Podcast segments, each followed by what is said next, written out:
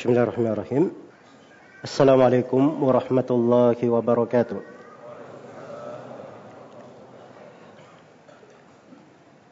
إن الحمد لله نحمده ونستعينه ونستغفره ونعوذ بالله من شرور أنفسنا وسيئات أعمالنا من يهده الله فلا مضل له ومن يضلل فلا هادي له أشهد أن لا إله إلا الله وحده لا شريك له وأشهد أن محمدا عبده ورسوله. يا أيها الذين آمنوا اتقوا الله حق تقاته ولا تموتن إلا وأنتم مسلمون. يا أيها الناس اتقوا ربكم الذي خلقكم من نفس واحدة وخلق منها زوجها وبث منهما رجالا كثيرا ونساء. واتقوا الله الذي تساءلون به والأرحام. إن الله كان عليكم رقيبا. يا أيها الذين آمنوا اتقوا الله وقولوا قولا سديدا. يصلح لكم أعمالكم ويغفر لكم ذنوبكم. ومن يطع الله ورسوله فقد فاز فوزا عظيما. أما بعد فإن أصدق الحديث كتاب الله وخير الهدي هدي محمد صلى الله عليه وسلم. وشر الأمور محدثاتها فإن كل محدثة بدعة وكل بدعة ضلالة وكل ضلالة في النار kaum muslimin dan muslimat hadirin dan hadirat rahimani wa rahimakumullah Alhamdulillah kita bersyukur kepada Allah Subhanahu wa taala di sore hari ini dalam sebuah majelis ilmu yang insyaallah taala kita akan mengkaji sebuah pembahasan yang penting untuk dipahami khususnya terkait dengan hari-hari kehidupan ini dan banyaknya kejadian-kejadian yang menimpa dan mewarnai umat manusia secara umum dan kaum muslimin secara khusus. Saya bermohon kepada Allah Subhanahu wa taala semoga Allah Subhanahu wa taala memberkahi kita semua pada waktu dan umur dan menganugerahkan untuk kita semua ilmu yang bermanfaat berbuah dengan amalan yang salih Sebagaimana saya berterima kasih kepada pihak takmir masjid atas kesempatan yang telah diberikan dan juga sambutannya yang masya Allah bersemangat sekali. Semoga Allah Subhanahu wa taala menjadikan kita semua sebagai orang-orang yang ikhlas di dalam berucap dan beramal, orang-orang yang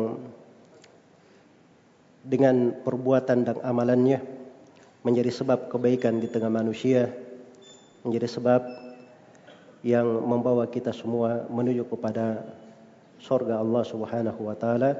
Innahu waliyyu dzalika wal qadiru alaih. Tema pembahasan kita di sore hari ini terkait dengan pembahasan akhir zaman. Di dalam bahasa ilmunya kadang disebut dengan nama al-fitan wa asyratis sa'ah tentang fitnah-fitnah ujian-ujian kejadian-kejadian yang akan menimpa atau tentang al-malahim tragedi-tragedi peperangan-peperangan atau tentang asyratus sa'ah tanda-tanda hari kebangkitan. Dan ini ditulis oleh para ulama buku-buku terkait dengannya. Di dalam kutubus cita dikhususkan bab kitab pembahasan. Misalnya di Sahih Al-Bukhari ada Kitabul Fitan, di Sahih Muslim juga. Dan empat kitab dari kutubus cita Selain daripada itu dikhususkan buku-buku tersendiri oleh para ulama walaupun itu tidak banyak yang populernya ada tiga buku Yang pertama Kitabul Fitan karya Nuaim bin Hamad Al-Khuzai. Dan yang kedua As-Sunanul Warida fil Fitan karya Abu Amr Ad-Dani. Dan yang ketiga adalah tulisan Al-Hafidh Ibnu Katsir rahimahullahu taala tentang An-Nihaya fil Fitan wal Malahim. Dan ini semuanya memberi kepada kita semua gambaran bahwa ini pembahasan adalah pembahasan yang diperhatikan oleh para ulama. Karena memang pembahasan ini ada kaitannya dengan salah satu rukun dari rukun iman. Dari rukun iman adalah keimanan kepada hari akhirat. Sebagaimana Nabi Shallallahu Alaihi Wasallam ketika ditanya oleh Jibril tentang iman itu apa? Kata beliau antu'mina billahi wa malaikatihi wa kutubihi wa rusulihi wal yawmil akhir wa tu'mina bil qadari khairihi wa syarrihi. Engkau beriman kepada Allah, kitab-kitab, malaikat dan para rasul dan engkau beriman kepada hari akhirat serta beriman kepada takdir yang baik dan yang buruk. Dan hadis Jibril yang panjang di dalam riwayat Bukhari dan eh, di dalam riwayat Muslim ketika Umar bin Khattab mengisahkan bagaimana Jibril datang dalam wujud manusia datang dalam wujud manusia maka Jibril bertanya tiga pertanyaan salah satunya tadi itu pertanyaan tentang iman dan di akhirnya Jibril bertanya Wa matas sa'ah? Kapankah hari kebangkitan? Maka Nabi sallallahu alaihi wasallam menjawab, "Mal mas'ulu anha bi'a'lama minas sa'il." Orang yang ditanya tidaklah lebih pandai, tidaklah lebih mengetahui daripada orang yang bertanya. Ya maksudnya yang bertanya dan ditanya dua-duanya tidak tahu. Iya. Dua-duanya tidak tahu. Maka Jibril bertanya tentang tanda-tandanya. Maka Nabi pun menjelaskan sebagian dari tanda hari kiamat. Jadi ada pertanyaan tentang tanda-tanda hari kiamat. Dan tanda-tanda hari kiamat ini itu dipaparkan di dalam sejumlah nas ada dari ayat Al-Qur'an dan ada dari hadis-hadis Rasulullah sallallahu alaihi wasallam. Iya. Dan seperti yang di tersirat di dalam hadis Jibril, dan ini kaidah yang pertama yang harus dipahami di dalam mengkaji pembahasan akhir zaman bahwa tanda-tanda hari kiamat itu itu masuk di dalam ilmu al-ghaib. Masuk di dalam ilmu al-ghaib. Terkait dengan hal yang tidak diketahui kecuali apa yang Allah Subhanahu wa taala kabarkan kepada kita. Apa yang Allah Subhanahu wa taala jelaskan kepada kita. Maka dia masuk di dalam keimanan terhadap perkara gaib, hal yang akan terjadi. Dan ini semuanya adalah mengimaninya, itu adalah ketaatan bagian dari kebaikan dari hal yang mendekatkan diri kepada Allah Subhanahu wa taala. Karena itu Al-Hafidz Ibnu Hajar rahimahullahu taala menyebutkan di antara manfaat dan hikmah tanda hari kiamat itu didahului dengan tanda-tanda beliau katakan iqadul ghafilin untuk menyadarkan orang-orang yang lalai wahathuhum ala taubati wal isti'dad dan seruan kepada mereka untuk bertobat dan bersiap dan bersiap guna menghadap kepada Allah Subhanahu wa taala. Iya. Maka berbicara tentang tanda-tanda hari kiamat ini ada manfaat-manfaat yang besar di, di, di dalamnya.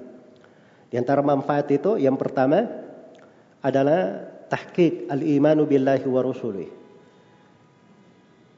Pengujudan merealisasikan keimanan kepada Allah dan kepada Rasulnya. Kemudian yang kedua, tahqiqul imanu bil yawmil akhir. Merealisasikan keimanan terhadap hari akhirat. Kemudian yang ketiga, dari manfaatnya keimanan terhadap yang gaib. Keimanan terhadap perkara yang gaib. Kemudian yang keempat adalah mengimani akan benarnya kenabian Nabi Muhammad sallallahu alaihi wasallam. Karena Nabi sallallahu alaihi wasallam mengabarkan tanda-tanda hari kiamat dan sebagian tanda-tanda itu sudah terjadi sebagaimana yang dikabarkan oleh Nabi sallallahu alaihi wasallam. Itu bukti kenabian beliau. Karena itu di antara rujukan di dalam membahas tanda-tanda hari kiamat adalah buku-buku yang ditulis seputar dalailun nubuwah, dalil-dalil kenabian Nabi Muhammad sallallahu alaihi wasallam. Kemudian juga di antara manfaatnya adalah meneguhkan ahlul iman, meneguhkan orang-orang yang beriman. Menambah keyakinan mereka dan menambah keimanan mereka. Menambah keimanan mereka. Karena itu orang-orang yang beriman apabila dia melihat dari sebagian hal yang dikabarkan oleh Nabi itu terjadi, maka mereka bertambah keimanan. Katakan dalam Al-Quran, وَمَا زَادَهُمْ إِلَّا إِيمَانًا وَتَسْلِيمًا Mereka hanya bertambah keimanan dan berserah diri kepada Allah Subhanahu wa taala. Kemudian di antara manfaatnya seorang mempelajari tentang tanda-tanda hari kiamat, tanda-tanda akhir zaman adalah bersegera untuk bertobat. Bersegera untuk bertobat dan kembali kepada Allah Subhanahu wa taala. Membenahi diri dengan amalan dan ketaatan. Iya. Karena hari kiamat itu datang secara tiba-tiba. Datang secara tiba-tiba. Karena itu diterangkan bagaimana sifat orang yang beriman di dalam hal itu. Allah Subhanahu wa taala berfirman di surah Asy-Syura, "Wa ma yudrika la'alla as-sa'ata qarib." Tidakkah kamu tahu bahwa hari kiamat itu barangkali sudah dekat? Yasta'jilu biha alladziina la yu'minuna biha. Orang-orang yang tidak beriman akan hari kiamat ingin mempersegeranya. Mereka menantang. Ini orang-orang kafir yang mengingkari hari kebangkitan, hari kiamat. Mempersegeranya. Terus orang yang beriman bagaimana? Walladzina amanu mushfiquna minha wa ya'lamuna annaha al-haq. Adapun orang-orang yang beriman mereka isfaq. Selalu lembut hatinya. Kalau ingat akan hal tersebut, dia lebih segera kembali kepada Allah Subhanahu wa taala. Banyak mengingatnya. Orang yang beriman mereka tahu bahwa hari kiamat itu adalah suatu hal yang hak, suatu hal yang pasti. Karena itu datang dari Nabi sallallahu alaihi wasallam di dua hadis. Di dua hadis di sahih Muslim dari Abu Hurairah radhiyallahu taala anhu Rasulullah sallallahu alaihi wasallam bersabda Rasulullah sallallahu alaihi wasallam bersabda Badiru bil a'mali sittan Segeralah kalian melakukan amalan-amalan salih mendahului enam perkara. Maksudnya sebelum sampai datang enam perkara. Apa itu? Tulu asyamsi min maghribiha. Terbitnya matahari dari arah barat. Awid dukhan. Atau datangnya asap awid dajjal, keluarnya dajjal, awid dabbah, keluarnya hewan dari bumi akan berbicara kepada manusia. Itu diterangkan di ayat di surah An-Naml. Au khassati ahadikum atau suatu khusus yang menimpa salah seorang di antara kalian terkait dengan kematiannya. au amril ammah atau au amral ammah atau perkara yang menimpa seluruh orang maksudnya hari kiamat itu jadi Nabi perintah supaya bersegera lakukan amalan salih sebelum datang hal tersebut. Sebelum datang hari kiamat itu. Bahkan di riwayat yang lain adanya ujian-ujian cobaan-cobaan itu harusnya membuat seorang itu lebih bergerak untuk beramal. Bersiap dengan ketaatan-ketaatan. Juga di Sahih Muslim dari hadits Abu Hurairah, Rasulullah sallallahu alaihi wasallam bersabda, "Badiru bil amali fitanan kal qita'il lailil mudlim." Segeralah kalian semua melakukan amalan-amalan sebelum datang fitnah-fitnah yang sangat gelap seperti potongan malam yang gelap gulita. Seorang di dalamnya tidak bisa melihat karena gelapnya sulit membedakan. Yusbihur rajulu mu'minan wa yumsi kafiran. Di pagi harinya dia mukmin, di sore harinya dia sudah menjadi kafir. Atau sebaliknya, di sore harinya dia mukmin, paginya dia sudah kafir. Yabi'u dinahu bi aradin minat dunya. Dia menjual agamanya dengan seonggok hal yang rendah dari perkara dunia. Ini dari ujian-ujian dan pada hal tersebut Nabi Shallallahu Alaihi Wasallam perintah untuk bersegera, bertobat, beramal salih. Iya. Kemudian dari manfaat mempelajari pembahasan tanda-tanda hari kiamat, kejadian-kejadian di akhir zaman, agar supaya seorang itu mengambil sebab-sebab keselamatan, memperbanyak dari ketaatan, memperbanyak dari ketaatan. Di dalam Sahih Muslim dari Ma'kil bin Yasar radhiyallahu anhu Rasulullah sallallahu alaihi wasallam bersabda al ibadatu fil haraj kahijratin ilayya beribadah di waktu haraj haraj itu artinya di waktu manusia saling bunuh membunuh beribadah di waktu haraj seperti berhijrah kepadaku dikasih pahala seperti orang yang berhijrah kepada Nabi sallallahu alaihi wasallam Ya bisa dibayangkan ya. Bagaimana pintu ketaatan. Betul ada fitnah, ujian, cobaan. Tapi subhanallah Allah jadikan untuk seorang mukmin dan mukminah ada pintu ketaatan di situ.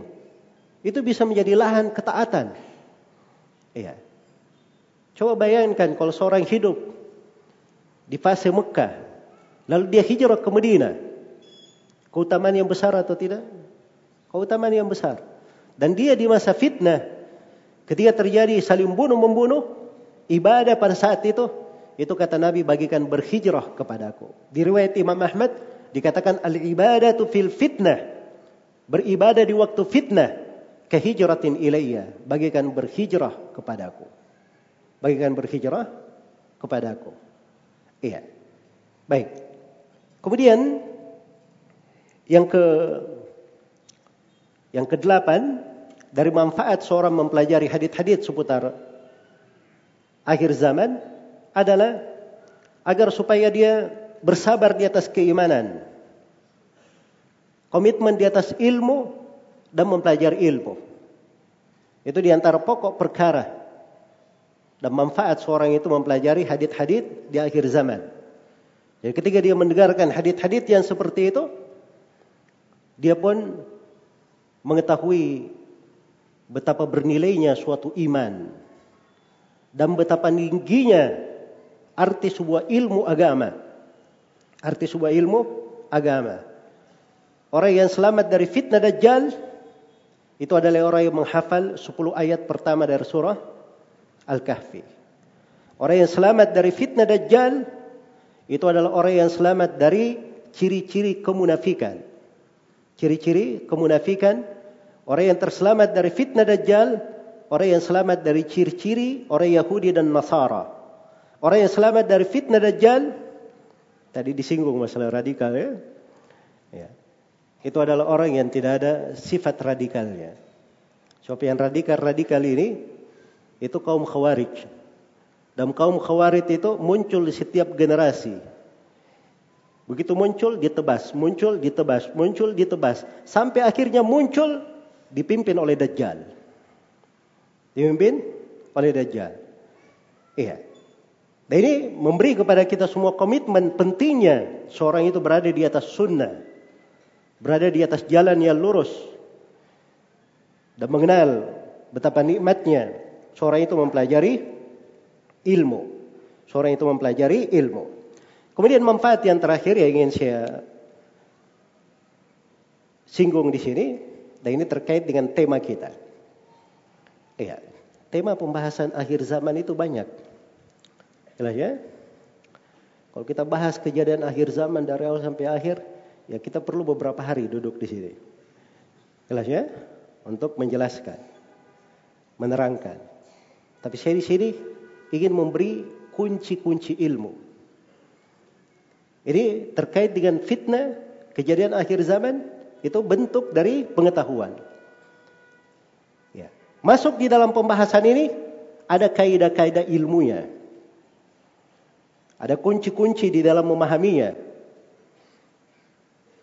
Ada kunci di dalam memahaminya supaya orang jangan sembarang berbicara. Iya. Tidak ekstrim di dalam pembahasan, tidak pula menyepelekan. Tidak pula menyepelekan, tapi berada di garis pertengahan. Itulah jalannya Rasulullah sallallahu alaihi wasallam dan jalan para sahabatnya. Itulah prinsip pokok di dalam agama ini, ciri umat Islam. Wa kadzalika ja'alnakum ummatan wasata. Demikian kami jadikan kalian sebagai umat pertengahan. Umat pertengahan. Umat pertengahan itu ya, kata pertengahan, kata moderat. Itu bukan sebuah kalimat bisa dijual oleh siapa saja bisa diklaim oleh siapa saja dan diartikan dengan makna apa saja. Dia adalah kalimat syar'i, ciri pokok umat Islam. Pertengahan, sikap wasatiyah itu ciri pokok umat Islam, sebuah karakteristik dasar di dalam agama. Tidak mungkin tidak jelas di dalam agama. Karena itu di surah Al-Fatihah itu terdapat inti dan pokok sikap pertengahan. Ihdinas siratal mustaqim, tunjukilah kami jalan yang lurus, itu jalan pertengahan. Gairil makdubi alaihim. Bukan orang yang disesatkan, bukan pula orang yang bukan orang yang dimurkai, bukan pula orang yang disesatkan. Jadi jalan yang lurus ada. Diterangkan siapa itu yang di atas jalan yang lurus. Siratal ladina an'amta alaihim. Terus diingatkan siapa yang menyimpang dari dua jalan, ada dua golongan. Ada al-maghdub alaihim, ini orang-orang Yahudi dan ada orang-orang abdalin orang-orang Nasara. Karena itu moderat sikap pertengahan itu di dalam agama dibangun di atas dua kaidah. Kaidah yang pertama adalah menapaki jalan lurus yang digambarkan oleh Nabi. Kemudian kaidah yang kedua dari sikap pertengahan dia tidak menyimpang ke kanan maupun ke kiri, tidak ekstrim dan tidak menyepelekan. Iya. Itulah sifat umat Islam dalam segala hal dalam segala pembahasan, termasuk di dalam pembahasan ini. Termasuk di dalam pembahasan ini. Manusia berlebihan, banyak berlebihan di dalam pembahasan-pembahasan di akhir zaman ini. Apalagi ya sekarang ini muncul orang-orang berbicara tentang kejadian-kejadian akhir zaman. Ya, dia dudukkan kejadian itu dia turunkan hadits Nabi itu, dia tafsirkan hadits Nabi itu kepada kondisi-kondisi sesuai dengan seleranya saya. Sesuai dengan keinginannya saya. Kalau dia lagi masalah sama orang, nah untuk nyikat orang dia bawakan hadits akhir zaman. Ini orang yang dimaksud nih. Jelas ya? Kalau dia di kondisi politik, ada pilihannya, oh dia bisa saja mengarahkan hadits-hadits akhir zaman sesuai dengan pilihannya. Nanti ujung-ujungnya di ceramahnya kasih kode.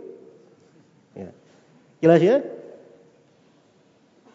Hadit-hadit akhir zaman diarahkan. Itu namanya hadit Nabi. Dia bahasakan dengan bahasa yang tidak pernah dibahasakan oleh Nabi. Itu bahaya besar. Itu menisbatkan kepada Nabi hal yang Nabi tidak pernah ucapkan. Ya, kalau bahasa lebih terangnya berdusta atas nama Nabi. Sallallahu alaihi wasallam. Dan ini bukan masalah sepele hal-hal yang seperti ini. Iya. Karena mendudukkan kejadian-kejadian akhir zaman juga bukan pada tempatnya ini bisa membuat permasalahan antara seorang muslim dengan muslim yang lainnya, bahkan masalah di dalam sebuah negara, bahkan bisa menjadi masalah antara sebuah negara dengan negara yang lainnya. Antara sebuah negara dengan negara yang lainnya. Iya. Dan ini adalah perkara yang hendaknya dipahami. Hendaknya dipahami. Karena itu dari hal yang mesti saya terangkan di sini dan juga ini manfaat seorang mempelajari hadis-hadis tentang kejadian-kejadian akhir zaman sebenarnya supaya dia mengerti kejadian akhir zaman itu kayak bagaimana sebenarnya. Iya. Dan bagaimana cara kita berinteraksi dengan kejadian-kejadian akhir zaman tersebut. Bagaimana cara kita memahaminya? Cara kita memahaminya. Iya. Maka di sini saya akan berikan beberapa kaidah. Beberapa dasar agar supaya kita mudah memahami tentang hadit-hadit seputar fitnah-fitnah yang akan terjadi, hadit-hadit tentang apa namanya berita akan terjadi peperangan-peperangan. Ya. Ini sudah mulai banyak yang cerita ya masalah peperangan-peperangan. Sudah ada yang memprediksi lagi perang dunia ketiga.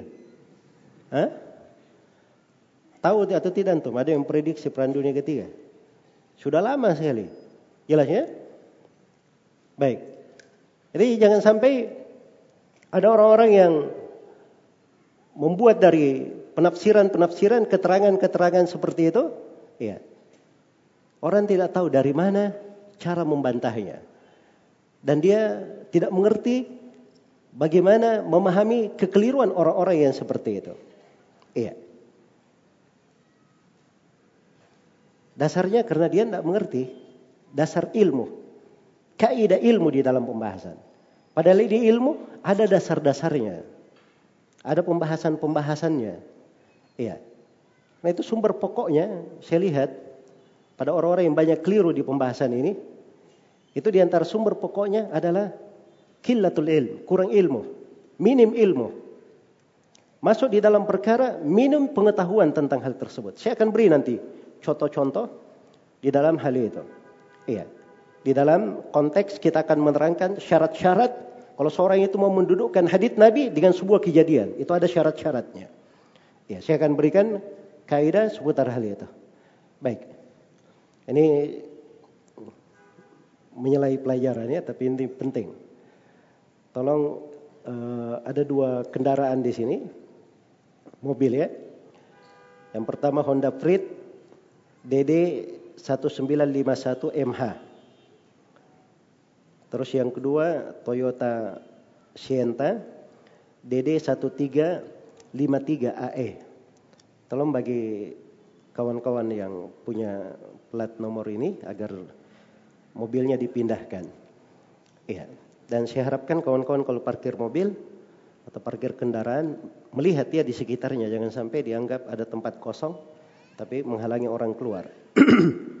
Jadi saya ulangi Honda Prit DD 1951 MH dengan Toyota Sienta DD 1353 AE. Baik. Kaidah yang pertama. Dan ini di antara kaidah pokok. Seorang mengkaji hadit-hadit tentang fitnah-fitnah, malahim, dan asyaratus saat, tanda-tanda akhir zaman. Harus dipahami bahwa nas-nas yang terkait dengan tanda-tanda akhir zaman itu, itu masuk dalam hitungan nas yang mutasyabih. Masuk dalam hitungan nas yang apa? nas yang mutasyabih. Apa artinya mutasyabih? Nah, ini dasar dulu, ini pijakan ilmu namanya. Orang kalau nggak ngerti masalah ini, itu dia akan keliru di dalam banyak hal. Ini kaidah pokok. Iya. Sama kalau dia bangun rumah, kalau pondasinya sudah keliru, apa saja yang dibangun di atasnya bisa salah. Nah, ini pondasi dulu. Allah Subhanahu wa taala menjelaskan di dalam Al-Qur'an huwallazi anzala ilaikal kitaba minhu ayatun muhkamat hunna ummul kitab wa ukharu mutasyabihat. Dialah Allah yang menurunkan kepada engkau Nabi Muhammad Alkitab. Kitab itu ada dua. Di antaranya ada ayat-ayat yang muhkam. Dan ini pokok kitab. Pokok Al-Quran yang muhkam. Dan yang lainnya adalah mutasyabihat. Yang lainnya adalah apa? Mutasyabihat. Mutasyabih. Iya. Nah, kalau ada yang muhkam, ada yang mutasyabih, kaidahnya apa? Kaidahnya ambil yang muhkam, tinggalkan yang mutasyabih. Tinggalkan yang mutasyabih. Atau yang mutasyabih maknanya diarahkan kepada yang muhkam.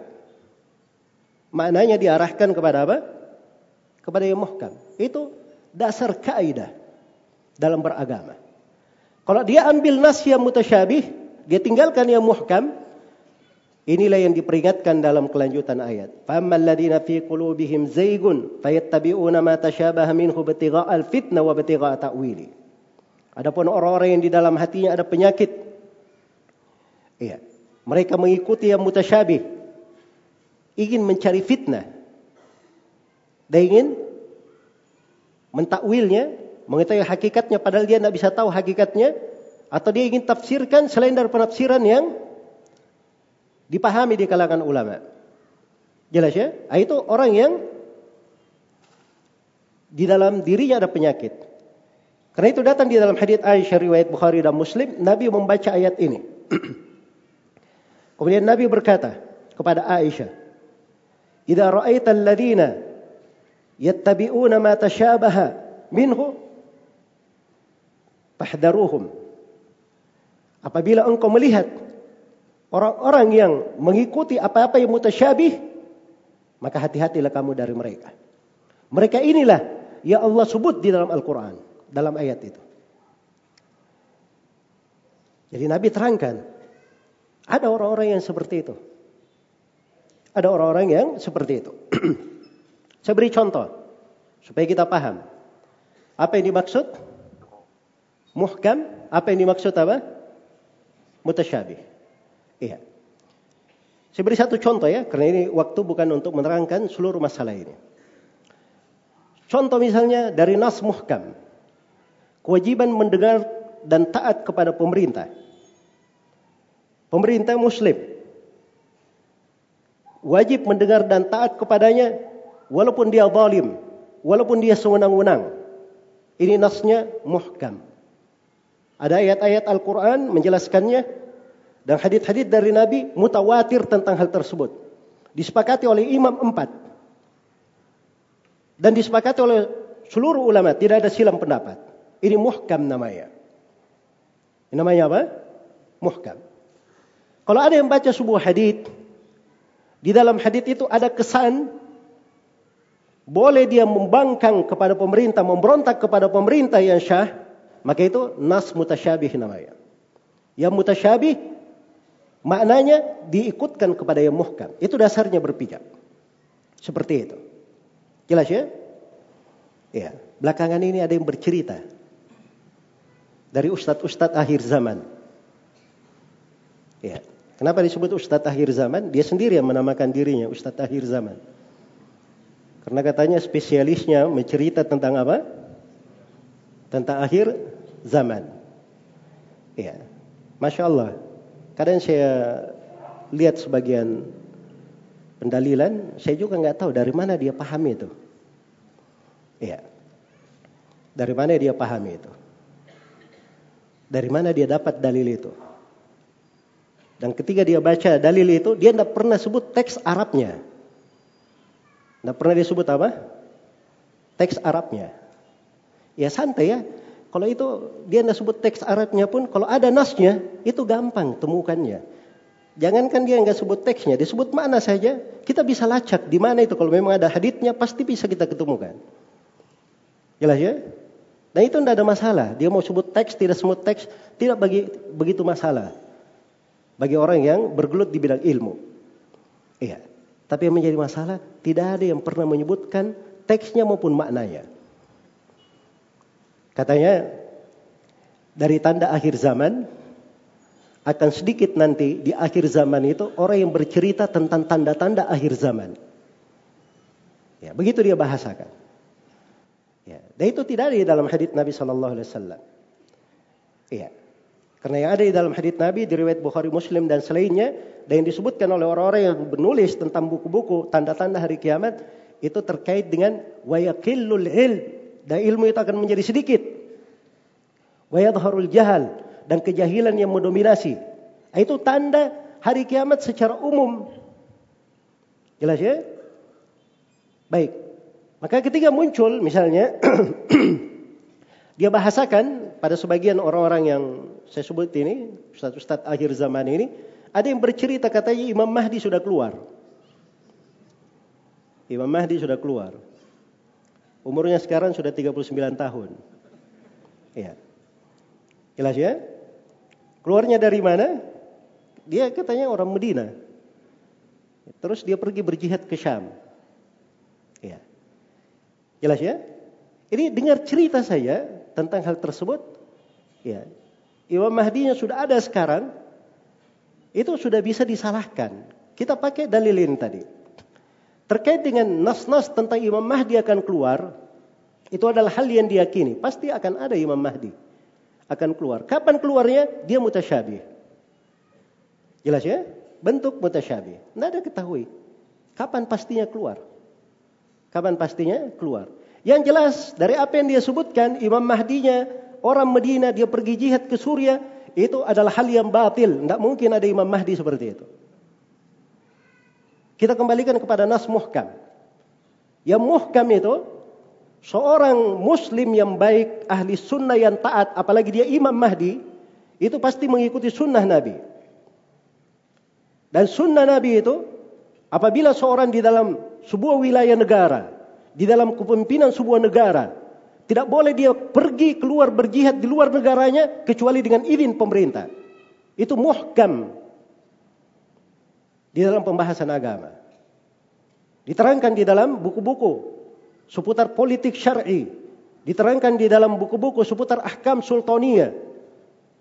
Dan Nabi sallallahu alaihi wasallam bersabda dalam hadis Abu Hurairah riwayat Bukhari dan Muslim, "Innamal imamu junna yuqatalu mi waraihi." Sungguhnya kepala negara itu adalah perisai, dilakukan peperangan di belakangnya. Dilakukan peperangan di belakangnya. Itu satu saja Antum pakai nas, ambil yang muhkam di dalam satu pembahasan yang mutasyabih itu dikembalikan kepada yang muhkam. Nah, begitu cara memahami. Jalan ahlul ilm di dalam memahami. Dan ini kaidah dasar di dalam memahami hadith-hadith seputar apa? Seputar fitnah-fitnah, kejadian-kejadian di akhir zaman. Iya. Kejadian-kejadian di akhir zaman itu ada tiga bentuk. Sebagaimana yang disebut oleh Ibnu Hajar, Al-Asqalani dan selainnya. Bentuk yang pertama, ada tanda-tanda hari kiamat sudah kelihatan. Sudah kelihatan. Iya. Dan sudah selesai. Tanda hari kiamat sudah kelihatan dan sudah selesai. Jelas ya? Contoh. Terbelahnya bulan. Pernah dengar bulan terbelah? Menjadi nama surah dalam Al-Quran. Surah Al-Qamar. Iqtarabatis sa'atu wal syaqqal qamar. Hari kiamat telah dekat dan bulan telah terbelah. Ini kejadiannya di masa Nabi Shallallahu Alaihi Wasallam. Ada dua riwayat. Sebagian riwayat mengesankan bahwa ini kejadian terjadi dua kali di masa Nabi Shallallahu Alaihi Wasallam. Ini sudah terjadi, sudah selesai. Contoh lain dari tanda hari kiamat yang sudah selesai. Nabi diutus sebagai seorang nabi. Karena syah dari Nabi Shallallahu Alaihi Wasallam dalam hadis riwayat Bukhari dan Muslim, bu'itu ana wasa'atu kahatain. Kata Nabi Shallallahu Alaihi Wasallam, saya diutus. Saya dan hari kiamat seperti dua ini. Beliau berisyarat dengan jari telunjuk dan jari tengahnya. Jadi kalau direnggangkan dekat sekali. Dan itu tanda hari kiamat. Jelas ya? Yang kedua, ada tanda hari kiamat yang sudah terjadi tapi belum selesai. Sudah terjadi tapi belum selesai. Mungkin dia akan berulang, mungkin dia berkelanjutan. Mungkin berkelanjutan. Seperti misalnya kurangnya ilmu, tampaknya kejahilan. Tampaknya kejahilan. Ya. Atau seperti misalnya banyaknya minuman-minuman keras yang diminum. Ya. Itu dari tanda-tanda hari kiamat. Terlihat. Tapi apakah dia sudah selesai? Bisa saja dia berlanjut. Jelas ya? Baik, kemudian yang ketiga, ada tanda hari kiamat itu belum terjadi. Itu belum terjadi, tapi pasti akan terjadi karena Nabi Shallallahu Alaihi Wasallam mengabarkannya akan akan terjadi. Iya. Bagaimana terjadinya? Ah, itulah yang tadi yang kita bahasakan. Tentang asyaratus sa itu dasar nasnya nas yang mutasyabih. Iya. Bagaimana kefiatnya? Bagaimana dasarnya? Iya. Bagaimana terjadinya? Itu dari ilmu gaib. Kita tidak akan tahu tentang hal tersebut kecuali kalau hal itu sudah pasti terjadi. sudah pasti terjadi. Iya. Nabi Shallallahu Alaihi Wasallam menyebut bahwa salah seorang istrinya nanti akan ada yang dilolongi oleh anjing-anjing di Hawab. Iya. Dan terjadi peperangan di situ. Jadi sebutkan dua sifat. Ada lolongan anjing dan ada terjadi peperangan. Ketika terjadi fitnah, Aisyah radhiyallahu taala anha keluar dan bersama beliau adalah Zubair bin Awam dan ada Talha bin Ubaidillah. Dua orang sahabat dari sahabat yang dijamin penduduk surga oleh Nabi sallallahu alaihi wasallam. Ya. Bersama beliau sejumlah kaum muslimin dan dimaklumi ya, kejadian Aisyah keluar itu terkait dengan terbunuhnya Utsman ibn Affan. Ya.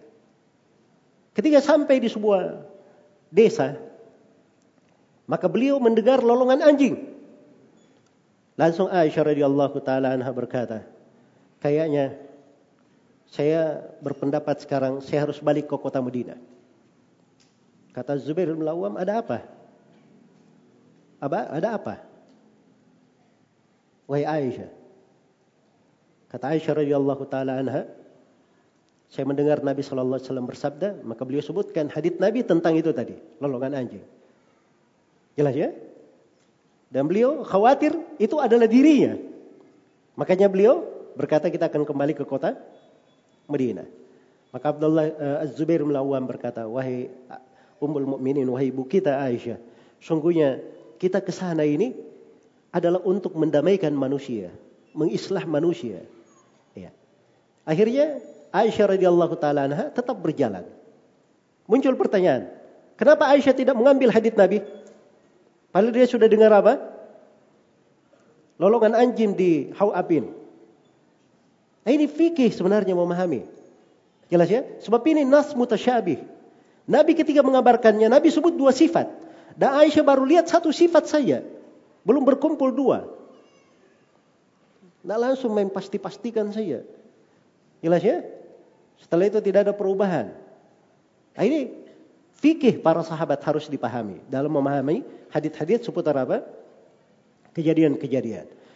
Ya, kemudian dari hal yang ingin saya terangkan di sini. Dari bukti yang menunjukkan bahwa hadit-hadit tentang fitnah-fitnah dan kejadian akhir zaman itu masuk di dalam hitungan hadit-hadit yang mutasyabih ada sahabat-sahabat yang menghafal hadith-hadith tentang fitnah banyak sekali. Di antara sahabat-sahabat itu yang paling terkenalnya adalah siapa? Hudzaifah ibnu Yaman radhiyallahu taala anhu.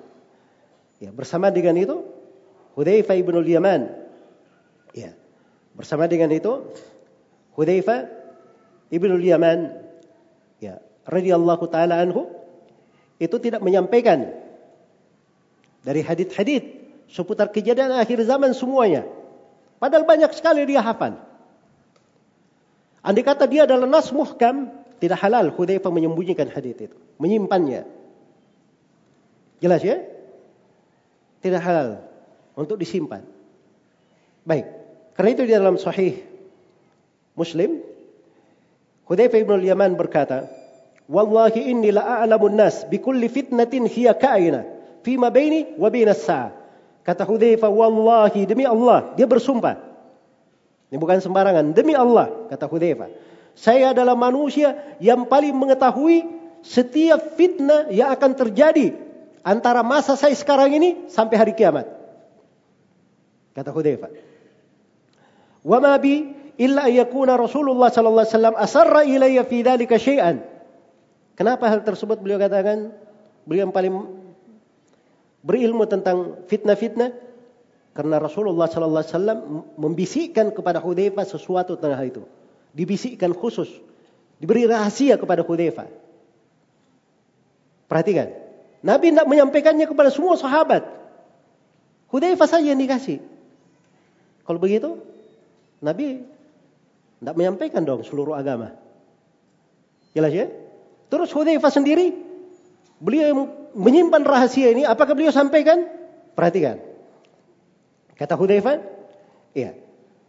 Nabi tidak pernah menyebutkan hadis itu kepada siapa pun selain saya. Iya. Kepada siapa pun selain saya. Kemudian Hudzaifah sebutkan bahwa Nabi pernah menghitung fitnah, fitnah yang akan terjadi. Dia hitung. Kata beliau minhunna thalathun la yakatna yadarna syai'an. Di antara fitnah itu ada tiga jenis fitnah yang akan terjadi seakan-akan tidak ada yang tersisa sama sekali. Wa minhunna fitanun kariyahi saif minha sagirun wa minha kibar. Dan di antara fitnah-fitnah itu ada fitnah-fitnah seperti angin musim panas. Ada yang kecil, ada yang besar. Ada yang kecil, ada yang besar. Iya. Jelas ya? Dan ini hadis disampaikan oleh Nabi yang yang ini ada yang kecil ini pembicaraan tadi itu di sebuah majelis. Ada beberapa orang sahabat di situ. Dan kata Hudzaifah, padahaba ulaika rahat kulluhum gairi. Semua sahabat yang hadir di majelis itu, yang dengar sebagian hadis fitnah itu tadi, semuanya sudah meninggal kecuali saya. Tapi bersama dengan itu, Hudzaifah tidak bercerita. Berarti Hudzaifah menyembunyikan ilmu. Hah? Tidak, ya kan? Ah, ini berbeda dengan sebagian ustadz akhir zaman ini. Ya Masya Allah. Seakan-akan kalau ada hadis seputar fitnah, harus dia sampaikan. Wah ini kita tidak boleh menyembunyikan yang hak, ucapkan yang hak walaupun itu pahit. Bahasanya keren, canggih. Ya, jelas ya? Tapi dia nggak tahu di mana dia letakkan penggunaan itu. Ya. Nah, inilah fikih di dalam agama. Yang beragama itu orang bukan semangat semangat. Ya. Dia nggak mengerti bahwa Imam Malik rahimahullah itu melarang bercerita kepada orang awam hadis-hadis seputar sifat.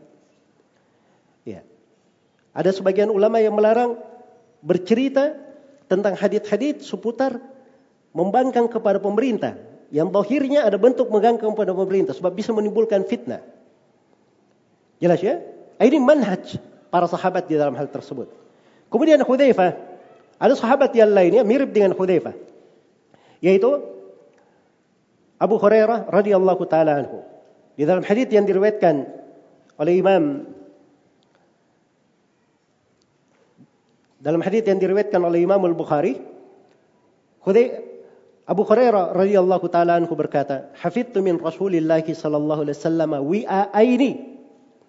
Saya hafal dari Nabi sallallahu alaihi wasallam dua kantong hadis. Dua kantong dia hafal. Maksudnya banyak sekali yang dihafal oleh Abu Hurairah ini. Kata beliau, "Amma ahaduhuma" Adapun salah satu kantong hadis ini, faqad basattu. Saya sudah sampaikan, saya siarkan, saya sampaikan di mana-mana. Satu kantongnya. Wa amma tsani adapun kantong yang kedua ya. Lau basattuhu qutiya hadzal bul'um. Andai kata saya sampaikan kantong yang kedua ini tenggorokanku ini akan terputus. Akan dipenggal leherku. Kalau saya menyampaikannya. Baik, ini Abu Hurairah menyembunyikan ilmu? Hah?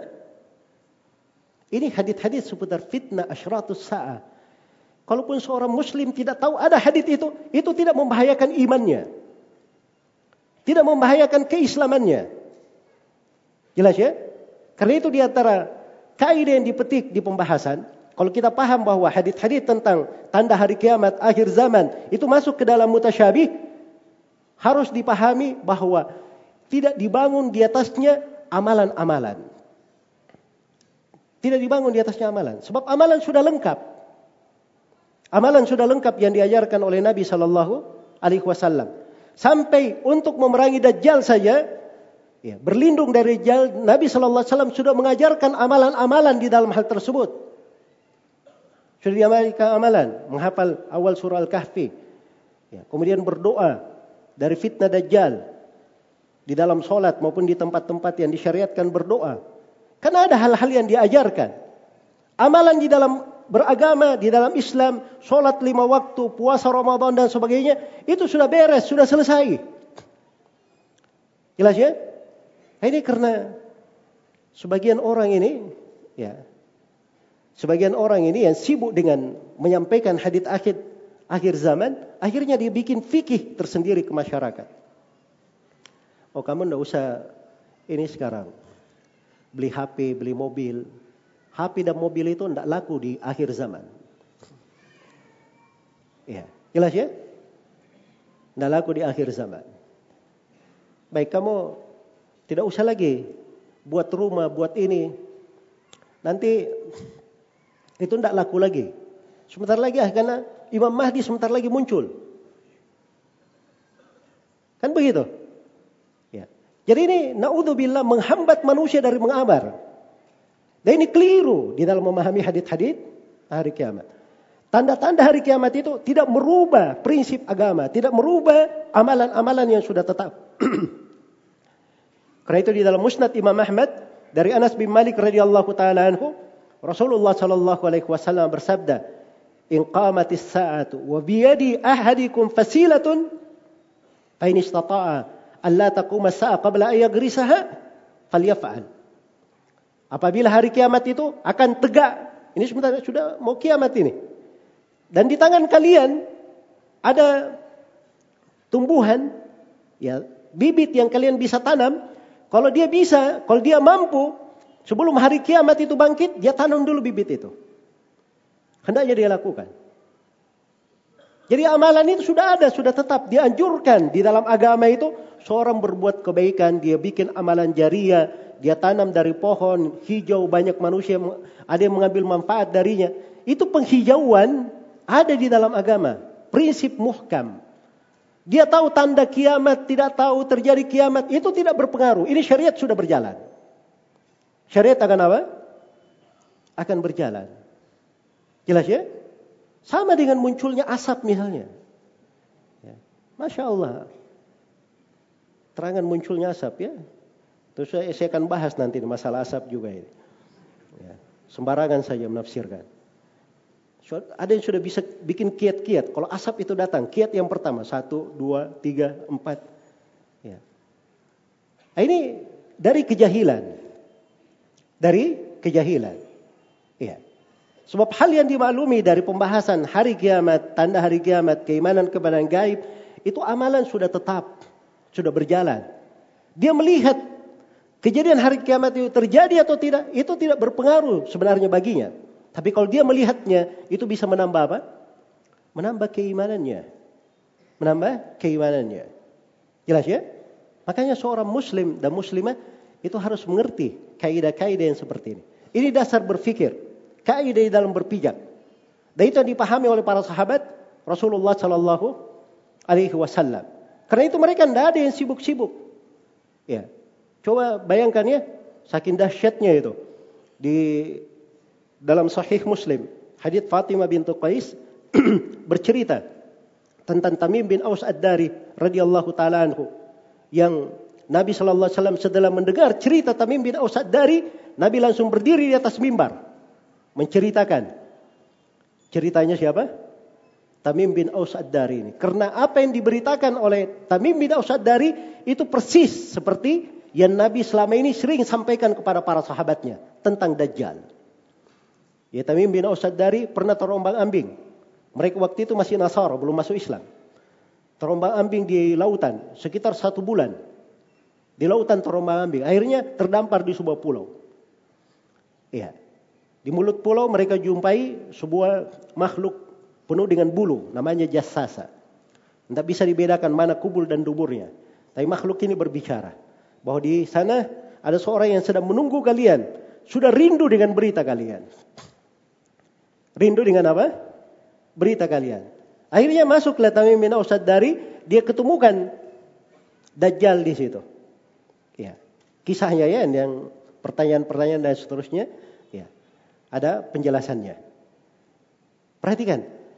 Ketika Nabi bercerita tentang hadits Tamim bin Ausad dari, pernahkah di dalam sepotong riwayat sahabat bertanya kepada Tamim bin Ausad dari, "Eh, pulau Dajjal itu di mana?" Saya mau pergi lihat itu pulaunya di mana. Jelas ya? Itu nggak ada dalam sepotong riwayat pun yang bertanya tentang hal tersebut. Jelas ya? Tidak seperti sebagian manusia sekarang sibuk dia cari di mana itu dajjal. Di, segi, di segitiga bermuda. Oh banyak penelitian analisanya. Kenapa bisa di segitiga bermuda? Ya. Jelas ya? Sampai ada yang muncul menulis buku khusus di situ tentang Dajjal dan peringatan bahwa Dajjal akan keluar dari Musallas Bermuda. Seperti segitiga Bermuda ini yang ditulis oleh Muhammad Isa Daud. Jelas ya? Saya pernah baca buku itu. Setelah saya baca buku ini, saya bilang ini salah seorang dari Dajjal juga. Ya. Dajjal bermana apa? Bermana pendusta. Ya. Saya akan cerita sedikit tentang bahasa Dajjal ini nanti di akhir pembahasan. Baik. Jadi maksudnya di sini itu para sahabat tidak ada yang menafsirkan seperti itu, menyibukkan Dajjal mau berada di pulau ini, pulau itu, apa hubungannya dengan kamu? Iya. Jelas ya? Kamu siapkan seluruh bala tentara untuk menenggelamkan pulau itu, membunuh Dajjal sekarang supaya tidak keluar. Kamu tidak akan bisa. Itu sudah ketentuan Allah untuk akhir zaman dia akan keluar. Tidak ada yang bisa merubahnya. Tidak ada yang bisa apa? Merubahnya. Jadi menyibukkan manusia dengan hal yang seperti ini. Ah, ini adalah apa? Ini dari perkara yang sangat berbahaya. Ya, sampai sebagian ustadz-ustadz akhir zaman ini, naudzubillah. Ya. Dia petik darinya fikih-fikih yang tidak pernah didahului oleh seorang makhluk pun sebelumnya. Ada namanya fikih-fikih simbol dajjal. Ya. Jadi kalau dia pakai begini, ah ini simbol dajjal ini, pengikut dajjal. Dia pakai begini, nah, seperti kemarin ribut ya masalah sebuah masjid di Bandung, ya. Sebuah masjid di Bandung dipermasalahkan karena katanya itu simbol dajjal. Baik kalau begitu kamu tidak usah makan, tidak usah minum. Ya. Karena alasannya dia kenapa itu simbol Dajjal? Itu dari orang Yahudi. Orang Yahudi itu pengikutnya Dajjal nanti di akhir zaman. Kebanyakannya. Baik. Kalau itu perbuatannya orang Yahudi, yang pertama kali melakukan demo-demo di dalam agama ini, yang membangkang terhadap pemerintah, itu adalah orang-orang Irak yang dipanas-panasi oleh Yahudi, Abdullah bin Sabah. Itu yang mengkompori manusia untuk memberontak kepada siapa? Utsman ibn Affan. Kalau begitu kamu jangan demo-demo, itu produk Yahudi. Pengikut Dajjal berarti kamu. Ya. Kan begitu konsekuensinya. Tapi kita tidak pernah berucap seperti itu ya. Kita tidak mengucapkan itu, kita pakai konsekuensi dia. Ya. Dan konsekuensinya orang Yahudi makan, orang Yahudi minum, sudah kamu tidak usah makan dan minum. Yahudi juga makan dan minum. Jelas ya? Ada orang-orang yang bikin segitiga misalnya, bikin segi empat, bikin lingkaran. Itu ada di mana-mana. Kok bisa dihubung-hubungkan? Orang bangun bangunan, ada lingkaran di tengah. Oh itu mata dajjal itu. Ya. Mata dajjal dia hitung dari mana? Kamu melihatnya di sudut mana melihatnya? Jelas ya? Ini menyembuhkan manusia dengan hal yang tidak ada apa? Tidak ada faedah dan manfaatnya. Masuk main klaim lagi. Akhirnya sibuk urusan menghantam pemerintah. Ya, bukan cuma pemerintah Indonesia saja, pemerintah di luar negeri juga disikat. Habis pemerintah Saudi Arabia, pemerintah Kuwait. Ini bukan hal yang lumrah perkara-perkara yang seperti ini. Ini keluar dari jalan yang lurus. Keluar dari jalan yang lurus. Baik. Jadi di antara dasar kaidah ya, bahwa memahami hadit-hadit seputar hari kiamat itu ya, kita harus tahu bahwa hadit-hadit itu banyak di posisi dia terhitungnya di hadit-hadit yang mutasyabih. Masuk di hitungan di hadit-hadit yang mutasyabih. Kemudian yang kedua, ya, atau sudah yang ketiga ini ya dari kaidah. Yang ingin saya terangkan di sini di pembahasan ini, ya. Dari kaidah yang ingin saya terangkan di pembahasan bahwa menghukumi sebuah kejadian menghukumi sebuah kejadian bahwa itu adalah tanda hari kiamat, itu adalah tanda hari kiamat, itu boleh saja. Tetapi dengan syarat-syarat dan ketentuan-ketentuan. Iya. Dengan syarat-syarat dan ketentuan-ketentuan. Sekarang ada sebagian orang ya di masa ini. Ya, mungkin saya akan baca sebagai sebagian contoh-contoh ya dari ustadz-ustadz akhir zaman ini. Bagaimana bentuk mereka menghukumi sesuatu-sesuatu. Dia katakan ini hadits Nabi berucap seperti ini. Ini tanda hari kiamat seperti ini. Tanda hari kiamat seperti ini. Ya, ketika tampak kesalahannya, ditegur akan kesalahannya, oh dia berkata, tidak boleh saya disalahkan. Ya, para sahabat juga memahami seperti itu. Para sahabat juga menghukumi nas-nas tentang hari kiamat. Nah, di sini saya ingin beri sedikit penjelasan hal yang dengannya kita bisa mempelajari fikih para sahabat di dalam memahami hadit-hadit seputar apa? fitnah-fitnah. Iya. Bahwa para sahabat Nabi Shallallahu Alaihi Wasallam itu, ya, dasar mereka di dalam memahami hadit-hadit seputar fitnah itu dasarnya adalah keimanan kepada hari akhirat, keimanan kepada Allah dan Rasulnya, ya. keimanan kepada perkara yang gaib. Itu dibangun di atas kaidah tetap di kalangan para sahabat. Jelas ya?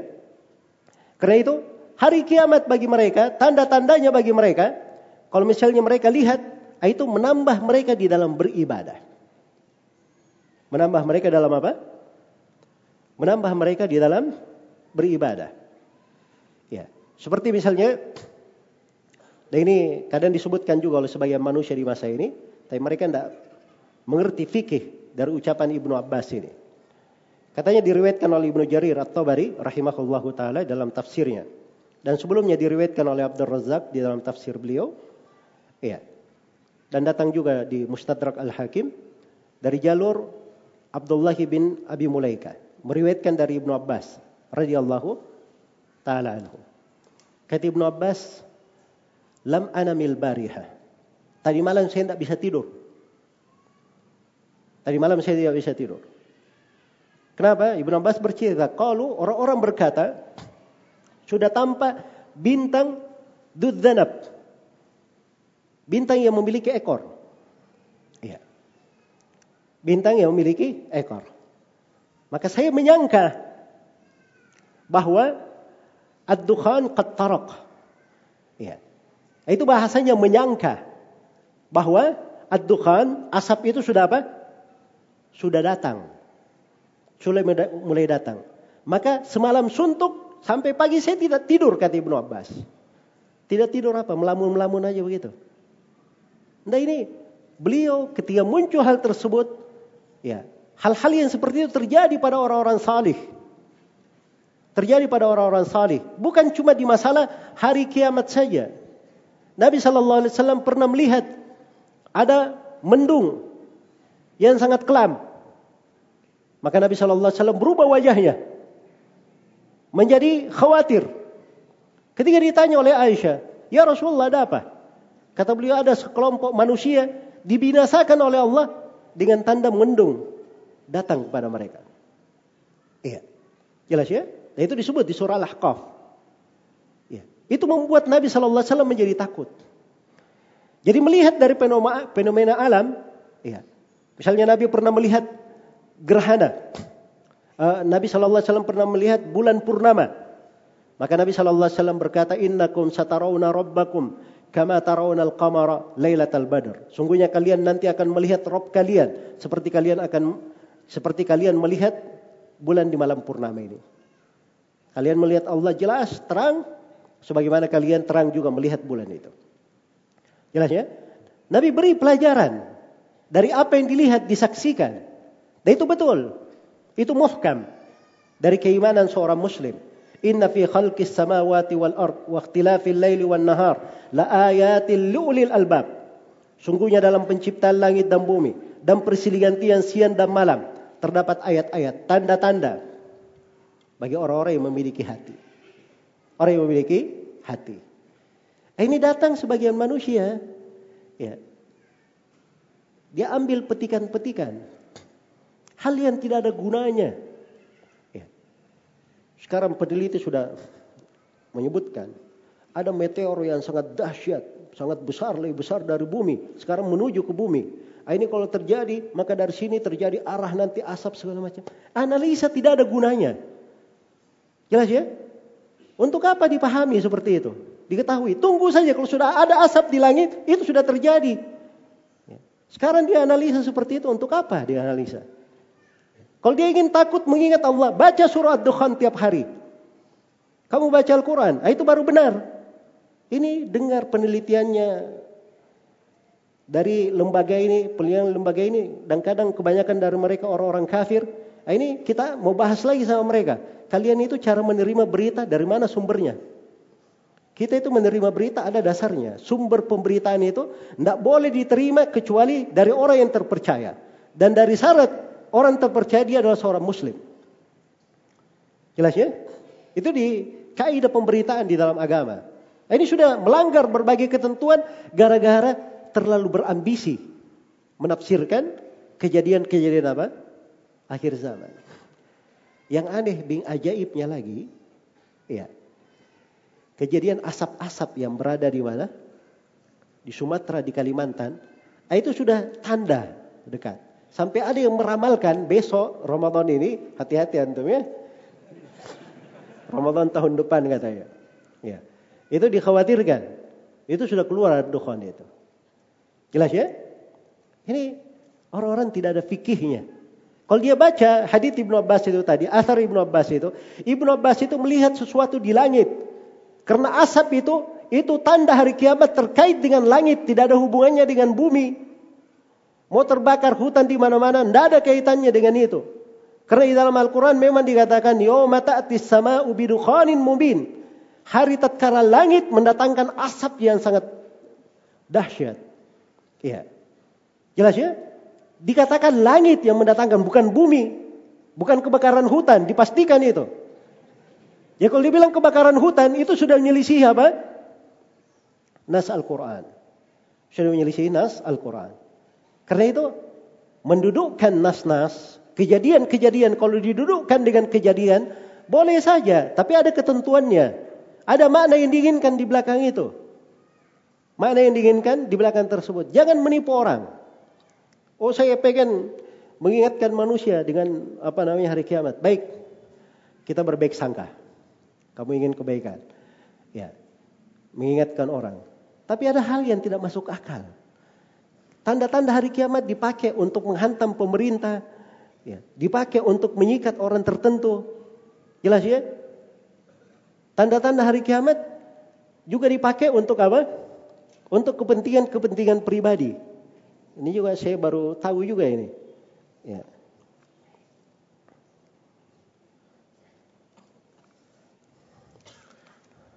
Ya. Jadi yang biasa cerita-cerita akhir zaman ini ternyata dia punya program rahasia. Ya. Ada program rahasianya. Jadi karena apa namanya sudah terlalu banyak cerita tentang akhir zaman ini, makanya banyak orang yang mulai katanya minta supaya dibangunkan kampung akhir zaman. Nah, jadi proyek akhirnya. Ya, kampung akhir zaman. Ya, masya Allah. Sudah ada sebuah tanah di Garut, ya, 1900 meter persegi, mau dibuat kampung kurma akhir zaman katanya. Tapi hanya terbatas 50 peminat saja. Ya, 50 peminat. Ini hal-hal yang nggak bagus ya. Jangan bicara ya, tentang apa namanya kejadian-kejadian akhir zaman ujung-ujungnya hanya kembali kepada hal yang seperti itu. Niatnya yang pertama tadi mengingatkan manusia dengan akhir akhirat itu akan menjadi buruk nanti dengan urusan-urusan apa? Urusan-urusan bisnis seperti itu. Iya. Baik. Karena itulah di sini saya ingin lebih perjelas ya terkait dengan masalah bagaimana ketentuan mendudukkan hadit-hadit atau ayat-ayat seputar kejadian akhir zaman ya didudukkan untuk kondisi dan kejadian tertentu. Ya, ini ada syarat-syarat dan ketentuannya. Ada syarat dan ketentuan yang hendaknya diperhatikan di sini. Iya. Baik yang pertama dari ketentuan dan syarat adalah seorang di dalam berdalil untuk kejadian akhir zaman dia hendaknya terbatas pada nusus syariah, pada nas-nas syar'i. Kalau dia katakan akan terjadi begini, akan terjadi begini, harus ada nasnya. Al-Quran atau hadith tanya, mana ayatnya, mana hadithnya? Iya, mana hadithnya tentang hal tersebut? Iya, jangan berkata oh itu kenyataan. Itu kenyataan. Kenyataan itu menurut versi siapa? Cara memandangnya dengan cara pandangan apa? Jelas ya? Jadi kalau bertanya tentang kejadian-kejadian hari kiamat, atau dia catakan ada kejadian hari kiamat, maka harus dia pastikan. Ada nasnya dulu. Ada nasnya dari Al-Quran maupun dari hadits Rasulullah Sallallahu Alaihi Wasallam. Karena agama ini sudah lengkap. Awalam yakfihim anna anzalna alaikal kitaba yutla alaihim Bukankah sudah cukup bagi mereka wahai Nabi Muhammad? Ya. Kami turunkan kepada mereka sebuah kitab yang kitab ini telah ditilawah untuk mereka semuanya. Iya. Jadi kitab itu sudah mencukupi. Sudah mencukupi. Iya. Baik. Dikatakan oleh Abdullah Ibnu Umar radhiyallahu taala anhu لم يقص في زمن النبي صلى الله عليه وسلم ولا أبي بكر ولا عمر ولا عثمان إنما كان القصص زمن الفتنة kata Ibnu Umar ini perhatikan ya cara para sahabat itu mengingatkan kejadian-kejadian jadi Ibnu Umar ini radhiyallahu taala anhu sahabat muda beliau dapati kehidupan Nabi beliau hidup di masa pemerintahan Abu Bakar Siddiq Umar bin Khattab, Uthman bin Affan, Ali bin Abi Talib. Sampai selesai Khulafa Rashidin empat. Semuanya dihadiri oleh Ibnu Umar. Ibnu Umar juga menghadiri masa pemerintahan Muawiyah radhiyallahu taala anhu. Kejadian-kejadian terjadi di masa itu. Ibnu Umar menghadiri masa pemerintahan anaknya Yazid, masa pemerintahan anaknya lagi Muawiyah bin Yazid. Ya. Kemudian masa pemerintahan Marwan bin Abdul Malik, Abdul Malik bin Marwan, Abdullah bin Zubair. Dihadiri semuanya oleh Abdullah bin Umar. Dan di masa Abdullah bin Umar banyak tukang kisah. Tukang kisah. Kisah, kisah, kisah. Banyak sekali. Maka Ibnu Umar radhiyallahu taala anhu di dalam sebuah riwayat oleh Ibnu Abi Syaibah ya, kata Ibnu Umar, kisah itu tidak pernah dikisahkan di masa Nabi tidak pula di masa Abu Bakar, tidak pula di masa Umar, tidak pula di masa Uthman. Kisah-kisah itu mulai dikisahkan di masa fitnah-fitnah. Itu orang mulai masuk ke kisah-kisah. Bukan lagi ayat Al-Quran yang dibaca. Bukan lagi hadith Rasulullah yang dibaca. Sudah kisah-kisah yang dia. Karena dia berada di masa fitnah. Jelas ya? Kalau di masa istiqomah dahulu, tidak ada yang seperti itu. Tidak ada seperti itu. Karena itu kaidahnya di dalam pembahasan tanda-tanda hari kiamat yang dipegang oleh para as-salaf, oleh para sahabat dan siapa yang mengikuti mereka dengan baik itu harus bersumber dari nas. Bersumber dari nas. Al-Quran maupun hadits Rasulullah Sallallahu Alaihi Wasallam. Kemudian yang kedua, iya. Kemudian yang kedua, uh, sebelum yang kedua, saya perlu ingatkan ya bahwa nasnya harus dipastikan. Kalau dia hadits harus dipastikan. Itu dari Nabi Shallallahu Alaihi Wasallam. Benar pendalilannya. Ya. Karena itu kata Syekhul Islam Ibn Taimiyah rahimahullah, al-istidlal bima la tu'lamu la yajuzu bil ittifaq. Berdalil dengan sesuatu yang kesahihan, keabsahan sesuatu ini tidak diketahui, itu tidak boleh menurut kesepakatan ulama. Kenapa? Fainahu qaulun bila ilm. Karena itu ucapan tanpa ilmu namanya.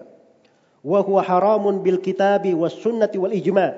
Dan kata Syekhul Islam, dia adalah haram berdasarkan dalil dari Al-Quran, dari sunnah dan dari apa? Kesepakatan ulama. Dari kesepakatan ulama.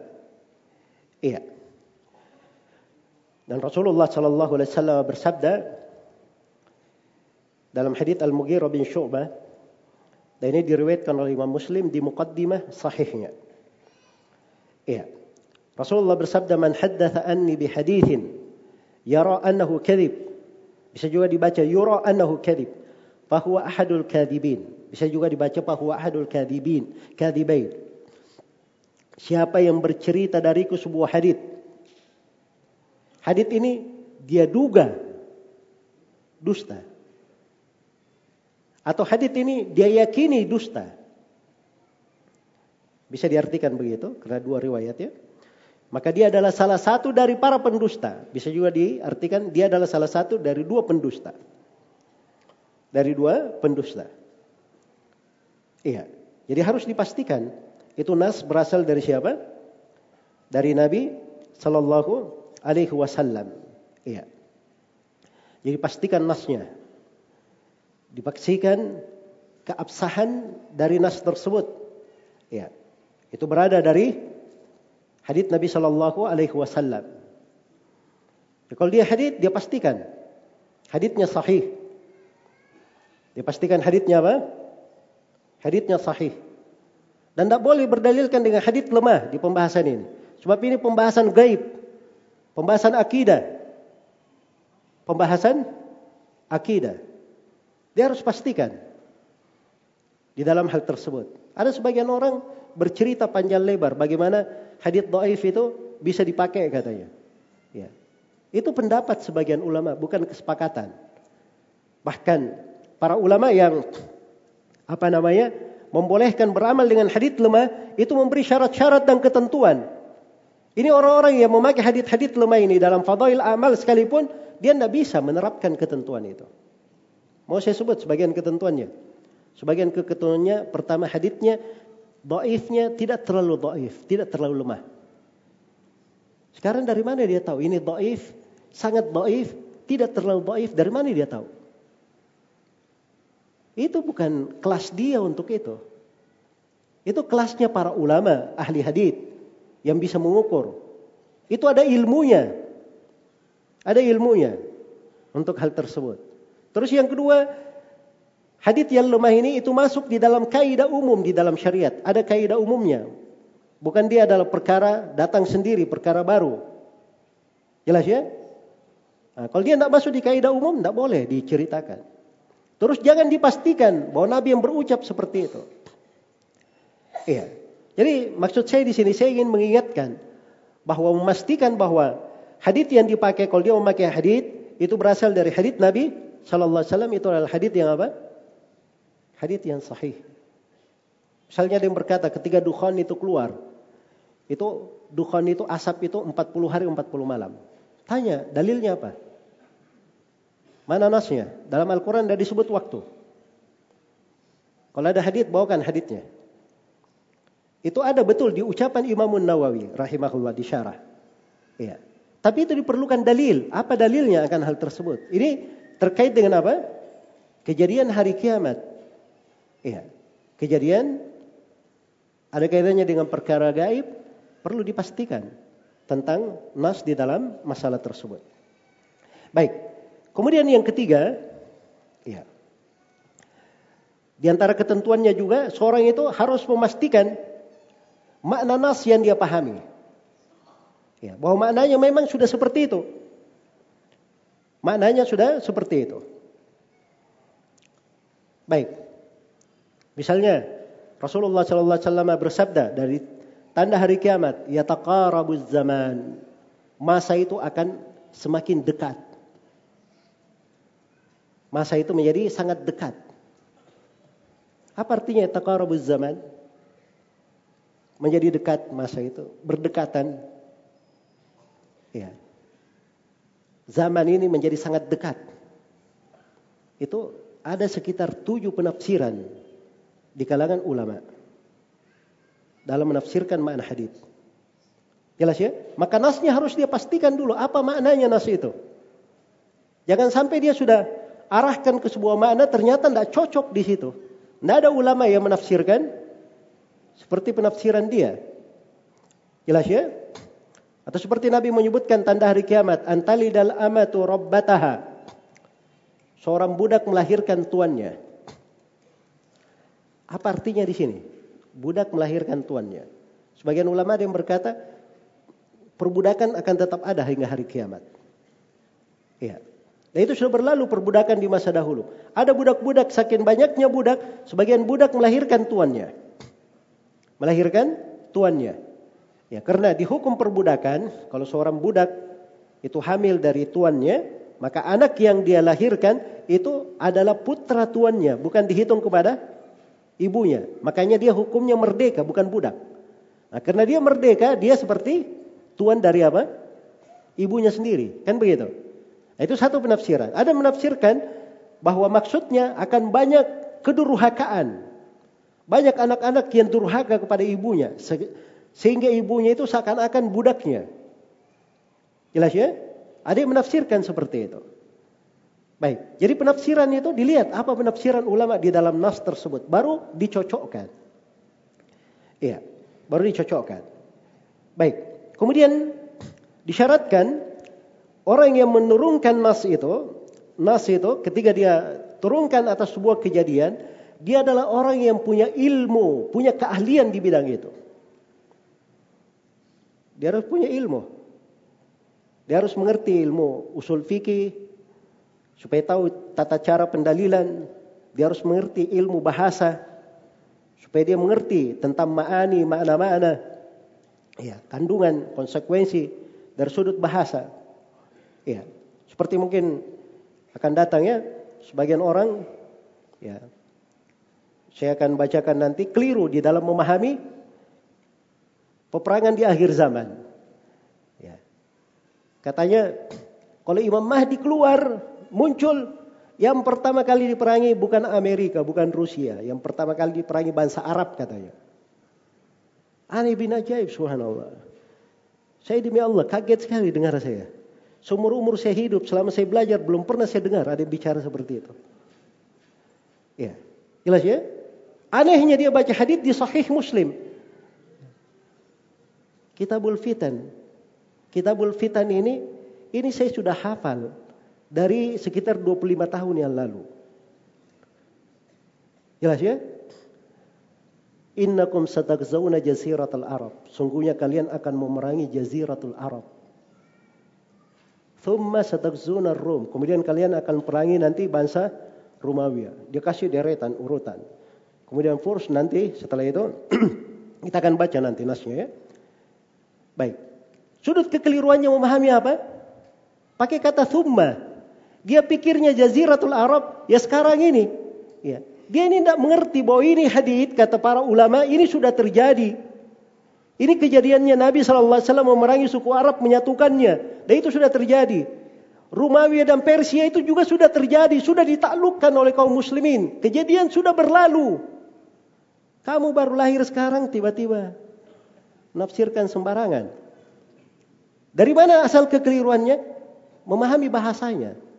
Jadi dia pikir kalian akan memerangi seakan-akan ini diucapkan oleh Nabi untuk dia yang baru lahir kemarin. Kemudian pakai kata summa di situ. Summa dalam bahasa Arab itu, itu tidak mesti kejadian hari ini, kemudian datang lagi, kemudian datang lagi. Berurut segera, enggak. Kadang summa dalam bahasa Arab itu bisa terjadi ini satu tahun, seratus tahun lagi, dua ratus tahun lagi, itu dipakai kata summa. Ya. Jadi kalau saya tanya di sini, siapa presiden-presiden Indonesia? Kan dikatakan Soekarno, summa Soeharto, itu bahasa Arabnya ya. Soekarno, kemudian Soeharto. Langsung begitu? Kan tidak. Soekarno berapa tahun dia presiden? Kan langsung Soekarno setelah dilantik lalu turun langsung ganti Soeharto. Tidak. Ya. Ada puluhan tahun jaraknya. Baru Soeharto menjadi apa? Pemimpin.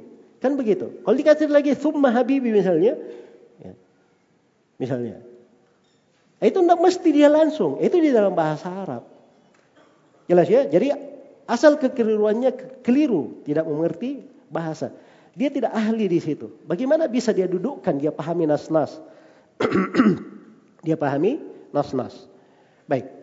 Kemudian di antara ketentuan juga di dalam pembahasan Seorang kalau dia memakai sebuah hadis tentang tanda akhir zaman, dia pakai sebuah hadis tentang tanda akhir zaman, maka kewajibannya dia harus mengumpulkan seluruh jalur-jalur riwayat di dalam hadis itu.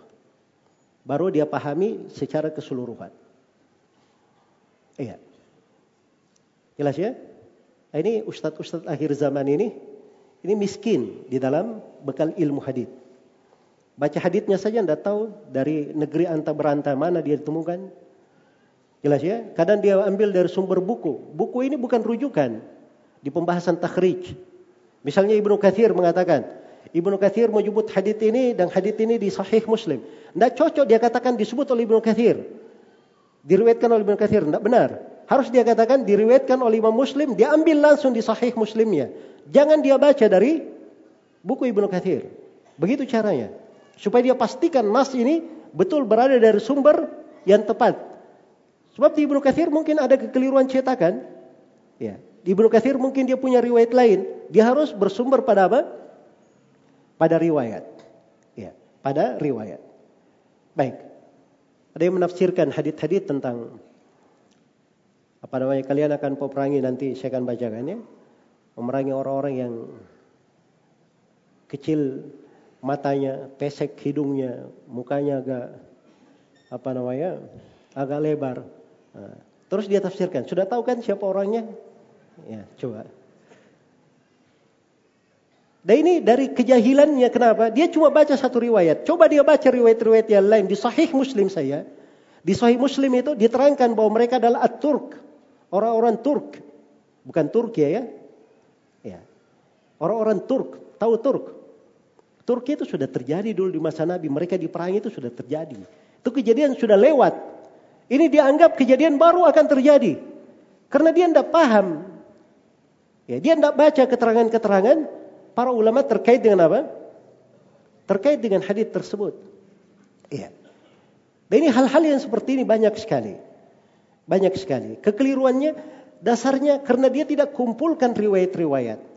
Karena itu kata Ibnu Ma'in rahimahullahu taala, al-bab idza lam tujma turuquh lam yatabayyan khata'u. Pintu pembahasan itu di dalam sebuah riwayat atau hadis, kalau tidak dikumpulkan seluruh riwayatnya, tidak kelihatan kalau ada kekeliruan. Dalam sebagian riwayat kata Ibnu Ma'in, saya kalau tidak menulis hadis dari 40 jalur riwayat, saya nggak paham makna hadis itu. Dia pahami dulu. Itu caranya para ulama ahli hadis di dalam memahami riwayat-riwayat. Bukan masalah sederhana. Ya. Ini ada konsekuensinya di bidang ilmu. Konsekuensinya di bidang ilmu. Baik. Kemudian di antara kaidah juga di dalam apa namanya memahami nas kalau seorang ingin mendudukkan sebuah nas Ya. Dalam kejadian tertentu, dia harus melingkup seluruh sifat yang disebutkan di dalam nas tersebut. Ya. Dia lingkup seluruh sifat yang disebutkan di dalam apa? Nas tersebut. Misalnya dia mau bercerita tentang Imam Mahdi. Imam Mahdi sudah keluar. Ya. Baik apa tandanya? Nama dia Muhammad. Nama ayah dia Muhammad, Abdullah, Muhammad bin Abdullah. Dia keturunan apa namanya? Ali bin Abi Thalib dari jalur Al-Hasan. Jadi Al-Fatimi Al-Hasani. Ya. Jelas ya? Al-Hashimi, kan begitu? Ya, jalur riwayatnya. Baik, terus Imam Mahdinya di mana? Imam Mahdinya perempuan, namanya Lia Edan. Ya. Jelas ya? misalnya. Atau dia punya anak lagi, sudah beda namanya, beda. Imam Mahdi itu tidak ada yang laki-laki, tapi dia adalah apa? Tidak ada yang perempuan, dia pasti laki-laki. Iya. Ini contoh ya. Atau kalau misalnya ada yang berkata seperti itu Imam Mahdi, sudah keluar Imam Mahdi tadi pergi perang di Suria katanya. Pergi perang di Suria. Imam Mahdi kalau sudah keluar, bumi itu penuh dengan keadilan, penuh dengan ketentraman. Iya. Ini keliru di dalam memahami nas-nas. Dan ini musibah juga di masa sekarang ini. Musibah. Baik. Baik mungkin ada sebagian hal nanti saya beri di contoh-contoh ya di kejadian-kejadian, tapi saya berikan di sini tambahan apa namanya kaidah dari tambahan kaidah yang perlu dilihat. Ketika seorang sudah mendudukkannya dengan sebuah nas, jangan dia pastikan. Oh ini yang dimaksud adalah ini, maksud adalah ini. Tapi dia katakan, saya menyangkanya begini. Kayaknya ini yang dimaksud. Nah, itu baru cocok. Dan itu jalannya para sahabat. Jalannya para sahabat Rasulullah sallallahu alaihi wasallam. Karena itu Asma bintu Abi Bakar As-Siddiq radhiyallahu taala anha. Ya. Asma ketika Abdullah bin Zubair putranya disalib oleh Hajjat bin Yusuf Ya, di kejadian ya di perang di Mekah. Jadi Abdullah bin Zubair sudah menjadi khalifah, dikudeta oleh Hajjat bin Yusuf. Ya, dari arah Abdul Malik bin Marwan diutus. Maka Hajjat bin Yusuf menahan jasad Abdullah bin Zubair setelah mati. Asma datang ingin mengambil jasad anaknya. Ya. Hajjat bin Yusuf berucap ucapan yang tidak bagus. Yang di akhir hadis ini sisi pendalilannya. Asma radhiyallahu anha berkata, saya mendengar Rasulullah bersabda, "Inna fi thaqifin kadzaban wa mubiran." Akan ada nanti di negeri Thaqif seorang pendusta dan seorang mubir banyak berbuat kerusakan. Adapun pendusta kata Asma, kita sudah melihatnya. Kita sudah melihatnya. Ya, ada yang mengaku nabi kan dari Bani Thaqif, As-Saqafi. Ya. Dia mengaku nabi. Itu sudah kita lihat pendusta ini. Adapun al-mubir wa ammal mubir kata Asma, fala ikhaluka illa illa iya. Saya tidak menyangka kamu kecuali kamu al-mubir ini yang disangka, yang dikatakan oleh Nabi. Tapi Asma tidak berkata, saya yakin kamu adalah al-mubir. Enggak ada. Walaupun tanda-tandanya jelas ya. Hajat bin Yusuf berbuat kerusakan, menumpahkan darah di sana sini, kejadian-kejadian. Walaupun tandanya ada, indikasinya, tetapi Asma tidak memastikan. Kamu pasti. Tapi dia katakan, saya sangka kamu. Ya. Sangka kamu yang melakukannya. Atau kamu yang dimaksud oleh Nabi Sallallahu Alaihi Wasallam. Baik. Iya. Jadi ini di antara kaidah yang penting ya untuk dipahami. Nas itu dilihat. Ya, jangan ketika didudukkan langsung diyakinkan, dipastikan bahwa yang dimaksud adalah kamu. Ya, dimaksud adalah kamu. Baik. Kemudian dari ketentuan juga dari ketentuan ya tidak boleh seorang itu membuat sifat-sifat tersendiri, sifat-sifat baru.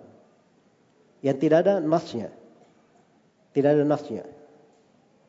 Ya kalau orang mau bercerita tentang Dajjal, dia jangan bercerita dari dirinya sendiri, apa yang dia pahami.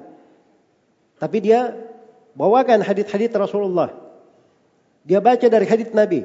Rasulullah bersabda begini, bersabda begini, bersabda begini. Semuanya berdasarkan nas. Tidak ada cerita dari dia. Jelas ya? Tidak cerita dari dia. Karena itu kalau kita ingin bercerita masuk di pembahasan kejadian-kejadian akhir zaman, ah, ini kita harus duduk dengan pembahasan yang serius. Ya. Duduk dengan pembahasan yang serius. Kita baca buku-buku seputar itu. Misalnya Kitabul Fitan dari Sahih Al-Bukhari. Atau Kitabul Fitan wa Asyratus Sa'ah dari Sahih Muslim. Jelas ya? Dibaca khusus dari Nabi penjelasannya. Ya, supaya kita tidak menambah sifat-sifat yang tidak pernah diterangkan oleh Rasulullah sallallahu alaihi wasallam. Ya. Baik. Jadi ini beberapa apa namanya? ketentuan yang ingin saya sampaikan terkait dengan pembahasan-pembahasan akhir zaman ini. Baik, saya ingin terapkan di sini ya, masuk di dalam sebuah penerapan kayak menerapkan kaidah begitu. Ya. Kayak bentuk penerapan apa? Penerapan kaidah. Ya. Nah, ini bentuk penerapan kaidah ini kita akan saya akan beri contoh-contoh ya ucapan sebagian manusia. Ya. Ucapan sebagian manusia. Baik. Kadang sebagian orang itu kita lihat padanya niatnya baik. Dia punya niat yang baik. Ya. Ada maksudnya yang bagus misalnya. Mengingatkan orang tentang hari kiamat. Ingin menyadarkan manusia melembutkan hati orang dengan menyebut tanda-tanda hari kiamat. Tapi jalannya keliru. Dan sangat keliru. Bersamaan dengan itu, kalau terjadi orang-orang niatnya baik dan jalannya keliru, para ulama itu tidak ada yang berhenti terhadapnya. Tidak menerangkan kekeliruannya. Bahkan mereka akan terangkan kekeliruannya. Bukan karena orangnya. Tapi ini masalah agama. Ini agama Allah harus diterangkan karena itu bertentangan dengan apa? Bertentangan dengan agama. Nggak ada kaitannya dengan orangnya. Orangnya mungkin saja baik. Mungkin saja baik. Ada di masa dahulu terkenal dengan gelar Gulam Khalil. Namanya Ahmad bin Muhammad bin Ghalib Al-Bahili. Imam Al-Dhahabi menyebut dia di biografinya di Mizanul I'tidal kata Dhahabi kana min kibari zuhad di Baghdad Orang ini dari orang yang zuhud kesohor di kota Baghdad. Sangat zuhud sekali orang ini. Iya. Jelas ya? Sangat zuhud. Dan Ibnu Adi meriwayatkan dari Abu Abdullah An-Nahawandi. Ya. Abu Abdullah An-Nahawandi ini pernah bertanya kepada Gulam Khalil ini. Ma hadhihi ar-raqaiq allati tuhaddithu biha? Apa ini hadith-hadith yang melembutkan hati yang kamu ceritakan. Maksudnya ini hadit-hadit aneh tapi di bidang rakaik ya. Rakaik itu adalah hadit yang melembutkan hati. Hadit yang membuat seorang itu lembut hatinya, lebih cinta kepada akhirat, dia gampang menangis. Hadit yang semisal itu. Itu hadit rakaik namanya. Ya. Maka Gulam Khalil ini ditanya, kenapa kamu banyak hadit-hadit yang aneh kamu sampaikan di rakaik? Maka kata Gulam Khalil, wada'naha linurakkika biha qulubal ammah. Kami palsukan hadit-hadit ini untuk melembutkan hatinya orang-orang awam. Ya Masya Allah, bikin hadit palsu, niatnya apa? Niatnya baik. Oh, Ustadz, nggak usah dibicarakan, kan niatnya baik. Ya. Baik, niatnya baik. Saya biarkan hadit Nabi dia berdusta atas nama Rasulullah Sallallahu Alaihi Wasallam. Tidak ada ulama yang berhenti seperti itu. Karena itu para ulama terangkan kedustaan orang ini. Bahwa dia adalah orang yang suka memalsukan hadis. Supaya hati-hati jangan mengambil dari dia. Kata Abu Dawud As-Sijistani. Aksha ayyakuna dajjal Baghdad. Saya khawatir orang ini adalah dajjalnya kota Baghdad. Disebut apa oleh Abu Daud? Dajjal. Ya. Bukan dajjal benaran ya, tapi dajjal bermana pendusta. Orang yang menampilkan berita yang tidak benar. Iya. Berita yang tidak benar. Baik.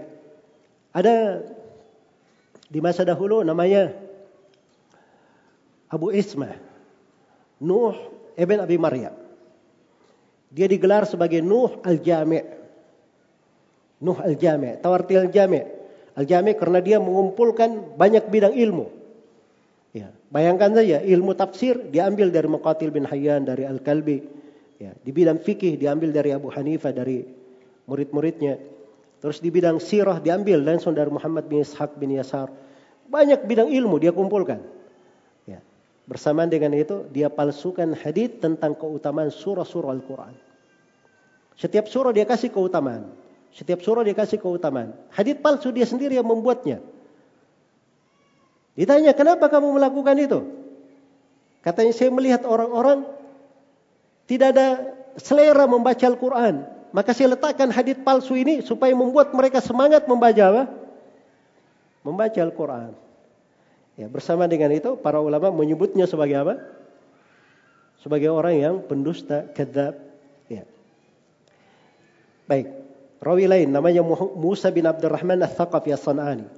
Dia dikenal sebagai Abu Muhammad Al-Mufassir. Abu Muhammad ahli tafsir. Ya.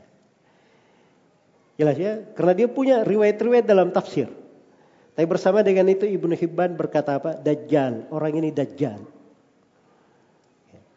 Wada ala Ibnu Juraid, an Atani Ibnu Abbas kitaban fit tafsir. Dia memalsukan sebuah kitab tafsir dari riwayat Ibnu Juraid dari apa? Dari Ibnu Abbas. Jelas ya? Itu hukum para ulama. Dan para ulama ini berjalan di hadits hadits Nabi Shallallahu Alaihi Wasallam. Diriwayatkan oleh Imam Muslim dalam muqaddimah sahihnya dari Abu Hurairah radhiyallahu taala anhu. Antum lihat bahasa saya ya, ketika menyebutkan hadis, kadang saya sebut muqaddimah sahih Muslim, kadang saya sebut riwayat Muslim saya. Apa bedanya? Itu ada timbangannya memang di kalangan ahli hadis. Nah sembarang berucap. Sebab muqaddimah sahih Muslim itu beda dengan sahih Muslimnya. Kalau muqaddimah sahih Muslim itu bukan masuk ke dalam kitab yang dikatakan diterima oleh umat dari masa ke masa.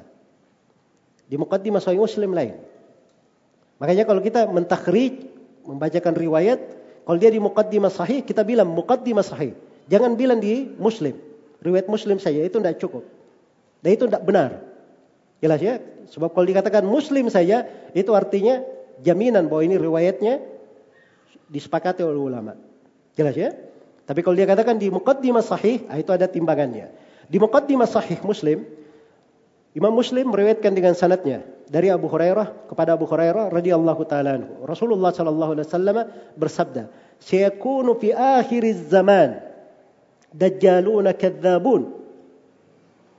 Akan datang nanti di akhir zaman dajjal-dajjal para pendusta. Dajjal-dajjal para para pendusta. Ya'tunakum bil ahadithi bima lam tasmau antum wala aba'ukum. Dajjal-dajjal ini membawakan kepada kalian hadith-hadith hal yang tidak pernah kalian dengar. Kalian tidak pernah mendengarnya dan ayah-ayah kalian juga tidak pernah mendengarnya. Fa iyyakum wa iyyahum. Kata Nabi hati-hati kalian dari mereka. Dan mereka juga hendaknya berhati-hati. Yang berdusta-dusta ini. Fayudillunakum wa yaftinunakum wa yaftinunakum. Hati-hati kalian, mereka menyesatkan kalian atau memfitnah kalian. Ya Nabi sallallahu alaihi wasallam sudah ingatkan. Ada rupanya orang-orang menyampaikan hadis, bahasanya hadis, tapi Nabi menerangkan mereka ini dajjaluna kadzabun, dajjal-dajjal para pendusta. Ini dajjal yang dimaksud dusta. Ya, para pendusta, bukan dajjal yang merupakan tanda apa? Tanda hari kiamat. Yang akan turun nanti dibunuh oleh Nabi Isa alaihi salam. Bukan itu yang dimaksud. Tapi ini dajjal para apa? Para mendusta. Dan di dalam hadis Hudzaifah bin Yaman riwayat Bukhari dan Muslim, Rasulullah terapkan dari fitnah di akhir zaman du'atun ila abwabi jahannam. Ada dai-dai yang mengajak kepada neraka jahannam. Iya. Ada dai-dai yang mengajak kepada apa? Kepada neraka jahanam. Man ajabahum fiha siapa yang menjeru menjawab dakwah mereka qadhafuhum fiha maka dai-dai ini akan melempar mereka ke dalam neraka jahanam. Ya. Ketika Nabi ditanya siapa dai-dai ini? Kata Nabi hum min jildatina wa yatakallamuna bi alsinatina mereka itu dari warna kulit kita juga, berbicara dengan lisan kita juga. Berbicara dengan lisan kita.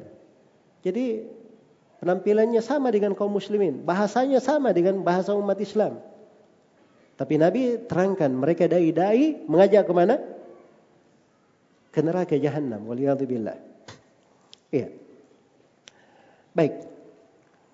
Ini saya beri contoh-contoh ya, sebagian orang-orang yang keliru di dalam menerapkan, di dalam memahami hadith-hadith Rasulullah Sallallahu Alaihi Wasallam. Baik. Ini di antaranya ada yang berkata, katanya menjelang Mahdi keluar, akan wafat terdahulu seorang raja Arab penguasa Mekah dan Medina. Ya. Terus dia tanya, Mekah dan Medina letaknya di mana? Dia jawab sendiri di Saudi, bukan di Kuwait, bukan di Uni Emirat Arab. Katanya letaknya di mana? Ya, di Saudi. Terus dikatakan saya bacakan haditnya. Ya, saya akan bacakan haditnya. Baik. Yang menjadi masalah kadang seperti yang diterangkan tadi, bukan di haditnya menjadi masalah, di pemahamannya. Itu yang menjadi masalah. Di pemahamannya terhadap hadit tersebut. Ya. Apa haditnya? Ya. Yaktatilu inda kanzikum thalath. Akan berperang. Ya. Di kanzikum dia artikan di sini apa? Akan saling gaduh, akan saling ribut, akan saling bercangga, akan saling bertengkar, jatuh menjatuhkan, bahkan mungkin mengarah kepada perang. Ya. Tiga orang putra khalifah, putra raja. Ya, ketika seorang raja, pemimpin Mekah dan Medina meninggal. Ya, ketika meninggal seorang raja pemimpin Mekah dan Medina. Kemudian dia katakan la yasiru ila wahidin minhum. Tidak satu pun dari mereka bertiga yang benar-benar memimpin Mekah dan Medina. Baik. Ini hadith ya. Ya. Yaktatilu inda kanzikum akan berperang. Akan berperang. Jadi sekarang kita lihat dulu. Kita sebelum kita baca haditnya, kita lihat dari sudut riwayatnya benar atau tidak. Sekarang apa yang dia pahami dari hadit ini, dari tanda akhir zaman? Dia sudah klaim dulu akan ada raja Arab yang meninggal. Hah? Raja Arab yang meninggal. Terus ada tiga putranya nanti berperang di mana? Di Ka'bah. Dia berperang di situ. Tapi tiga putra mahkota ini tidak ada seorang pun yang menjadi yang menjadi khalifah, menjadi pemimpin. Jelas ya? Nah, sekarang kita lihat ini cerita orang ini. Supaya kita bisa paham bagaimana sebagian manusia ya lancang ya di dalam memanai hadis-hadis Rasulullah sallallahu alaihi wasallam. Ya. Dia cerita tentang Raja Abdullah Katanya, raja siapa yang meninggal sebelumnya? Ya. Baik. Disebut di sini terkait dengan Raja Abdullah. Ya. Dia cerita sedikit tentang apa namanya? beberapa histori dari Saudi Arabia. Lalu dia kerucutkan pembahasan. Setelah Pangeran Khalid meninggal diganti oleh Raja Fahad, Raja Fahad meninggal diganti oleh Raja Abdullah. Nah, katanya Abdullah ini yang menjadi tema kita sekarang. Abdullah ini pada tahun 2000 ya. Dia cerita bahwa Raja Abdullah diponis sakit apa dan seterusnya. Yang kesimpulannya bahwa kalau Raja Abdullah meninggal ini itu ada tiga putra mahkota. Ya, ada tiga putra mahkotanya yang mungkin akan berperang Raja Salman masih Amir waktu itu ya, Amir Salman, terus Tolal dan Mukrin. Ya, Tolal dan siapa? Dan Mukrin. Ini tiga putra mahkota Saudi. Ya, kemudian dia cerita satu persatu. Ya, tiga orang ini historinya ada yang hal-hal yang sebenarnya saya nggak mau dengar di sini. Apa namanya? Tidak mau membacakannya di sini. Ya, sebab ini masalah-masalah. Ya, saya juga tidak menyangka ya ada seorang dai yang bercerita perkara-perkara yang seperti ini. Sebab ini kasus-kasus kalau dia ceritakan itu bisa dituntut di pengadilan. Ya, bisa dituntut. Sebab arahannya itu kepada tuduhan-tuduhan. Tuduhan-tuduhan. Baik. Jadi diarahkan di sini bahwa sekarang ini huh? ya, diarahkan bahwa Raja yang akan meninggal itu Raja Abdullah dan ada tiga putranya nanti yang akan berperang. Itu tadi tiga orang dan tidak seorang pun yang menjadi khalifah. Ini sekarang penafsirannya benar atau tidak? Ya, kenyataan sudah mendustakannya. Raja Salman menjadi menjadi raja. Kan begitu? Terus dia mendusta bagaimana lagi? Menafsirkan hadis-hadis Rasulullah Sallallahu Alaihi Wasallam.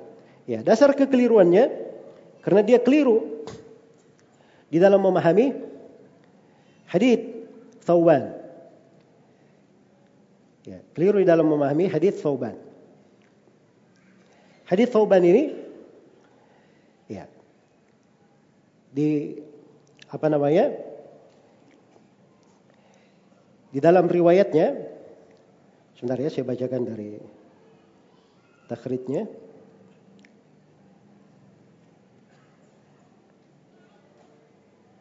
Jadi hadis Thauban ini itu diriwayatkan oleh Ibnu Majah. Diriwayatkan oleh Ibnu Majah, Al-Bazzar, Ar-Ruyani dalam musnad beliau, Al-Hakim. Ya. Dan selainnya. Thauban berkata begini, saya baca teks hadisnya. Rasulullah sallallahu alaihi wasallam bersabda, "Yaqtatilu inda kanzikum thalatha." Akan berperang di sisi kanz kalian.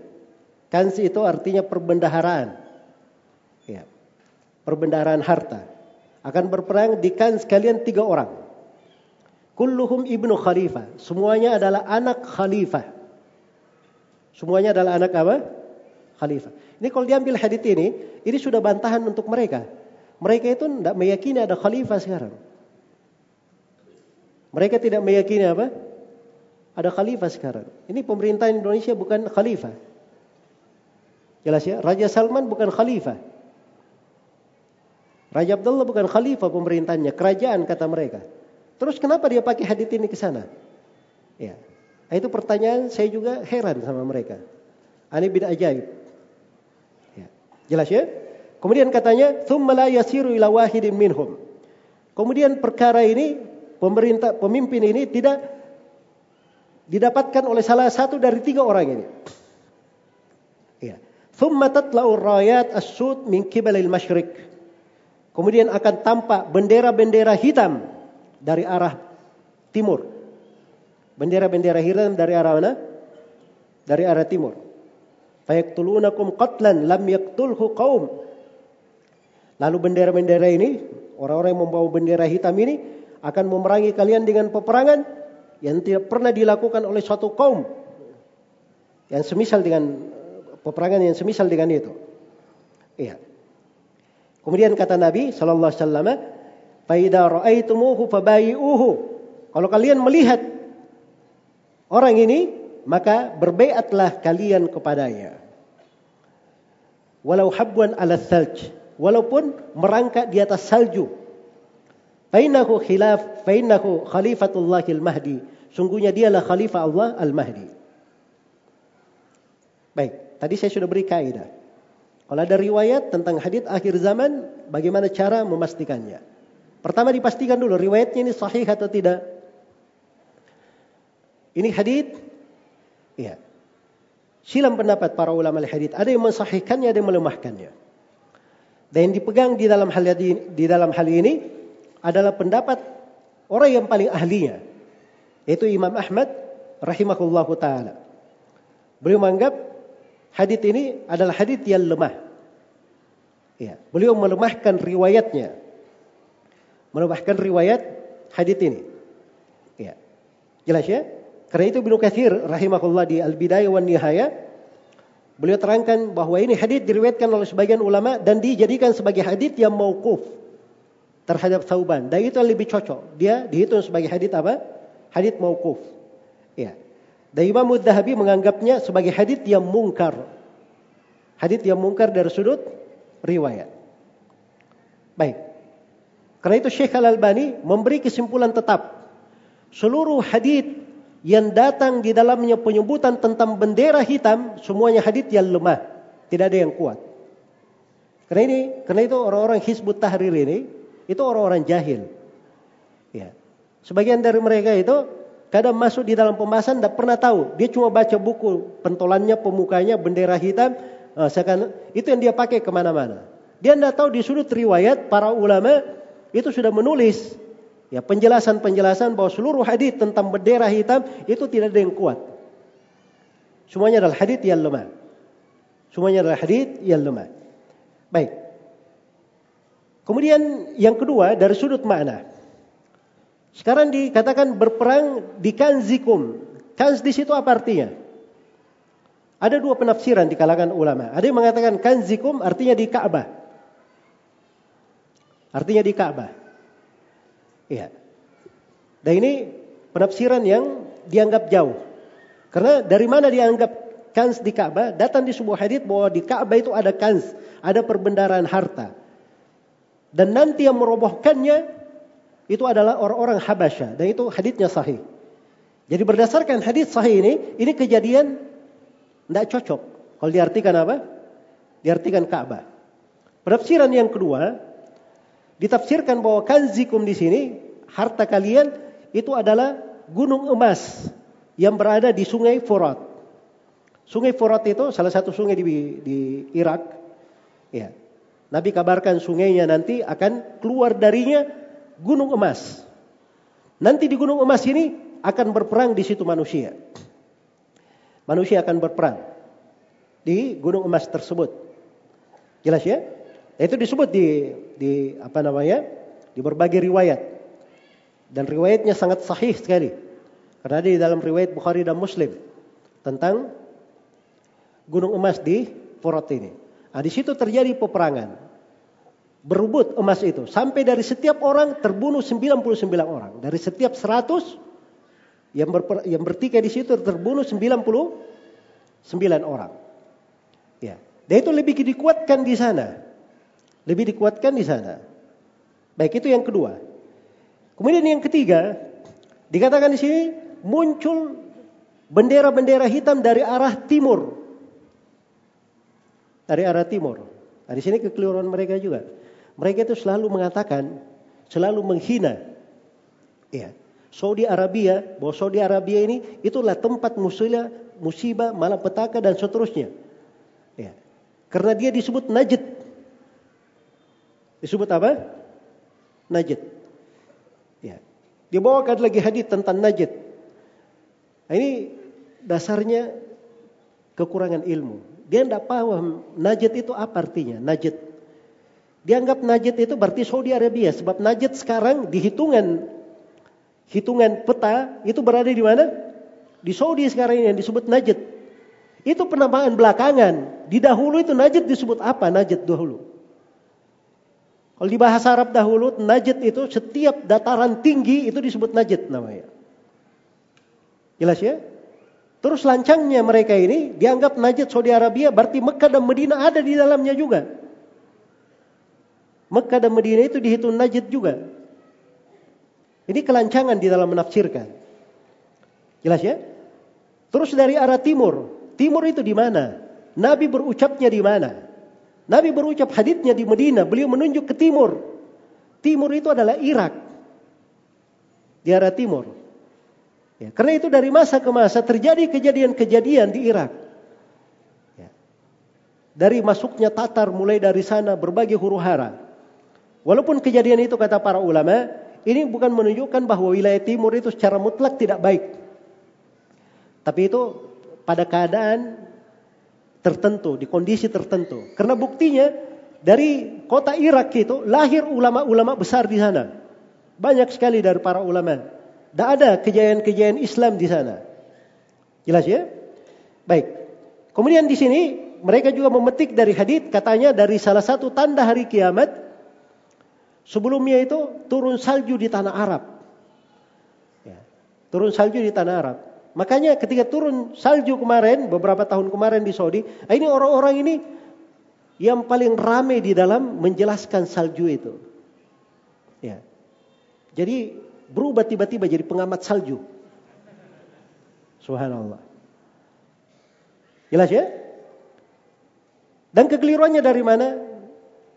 Tidak memahami bahasa Arab dengan baik dan benar. Karena ini hadis bahasanya walau habwan ala salj. Jadi datangi Al-Mahdi bayat dia walaupun kamu merangka di atas salju itu pembahasan walaupun kamu merangka. Maksudnya walaupun kondisi susah datangi, tapi bukan artinya itu terjadi. Bukan artinya itu apa? Terjadi. Ada lagi yang berdalilkan dengan hadis Di Sahih Muslim akan diterangkan bahwa tanah Arab itu nanti akan berubah menjadi kebun-kebun dan sungai-sungai. Ya. Dan salju itu kalau sudah turun di satu tempat dia akan buat subur tanah itu. Nah, itu kan cara dia menghitung kan. Ya. Itu kira-kira namanya. Kalau mau tahu pastinya nanti tunggu.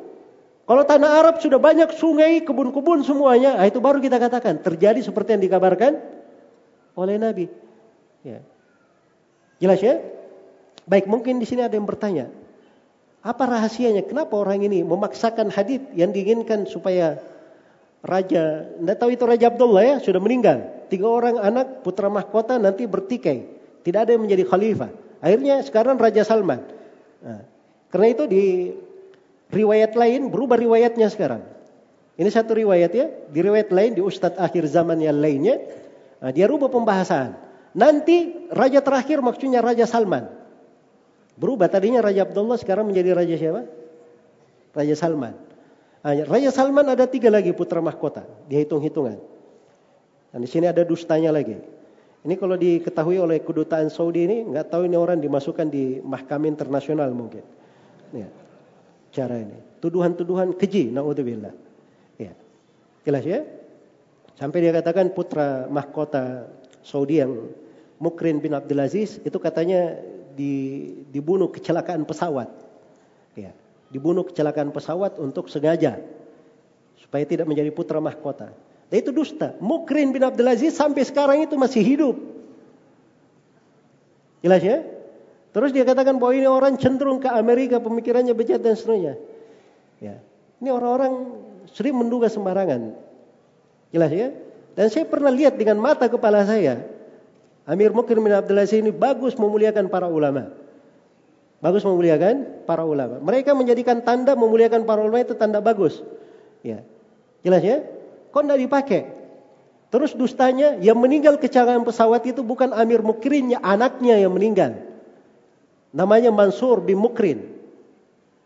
Itu yang meninggal. Jelas ya? Baik. Jadi jangan kira dia bisa bercerita seperti itu. Semua orang dia bisa dia bisa kelabui, ya, ada orang-orang yang tahu hakikat masalah. Jelas ya? Baik. Karena itu hal-hal yang seperti ini tidak layak. Jadi sekarang kalau sudah selesai, kenapa dia harus memutuskan jadi Raja Salman ini raja terakhir? Ya. Nanti putra mahkota itu nanti, setelah itu keluar Al-Mahdi. Kenapa seperti itu? Karena mereka sudah pastikan Al-Mahdi sekarang sudah keluar. Ya kalau Raja Salman tidak mening kalau Raja Salman meninggal, anaknya tidak berperang, ah ini berarti Mahdi yang kemarin palsu lagi. Mahdi hadi ini akan apa? Palsu lagi. Makanya dia paksa-paksakan nas untuk hal tersebut. Ya. Kemudian dari takallufnya ini, ya, dia bilang lagi bahwa sekarang umur umat Islam ini sisa 1400 sampai 1500 tahun lagi. Ya. Apa namanya? Umur umat Islam cuman 1400 sampai 1500. Ya paling ininya paling fullnya 1500 katanya, baru hari kiamat. Ini kayak perdukunan. Ya, nebak-nebak aja. Jelas ya?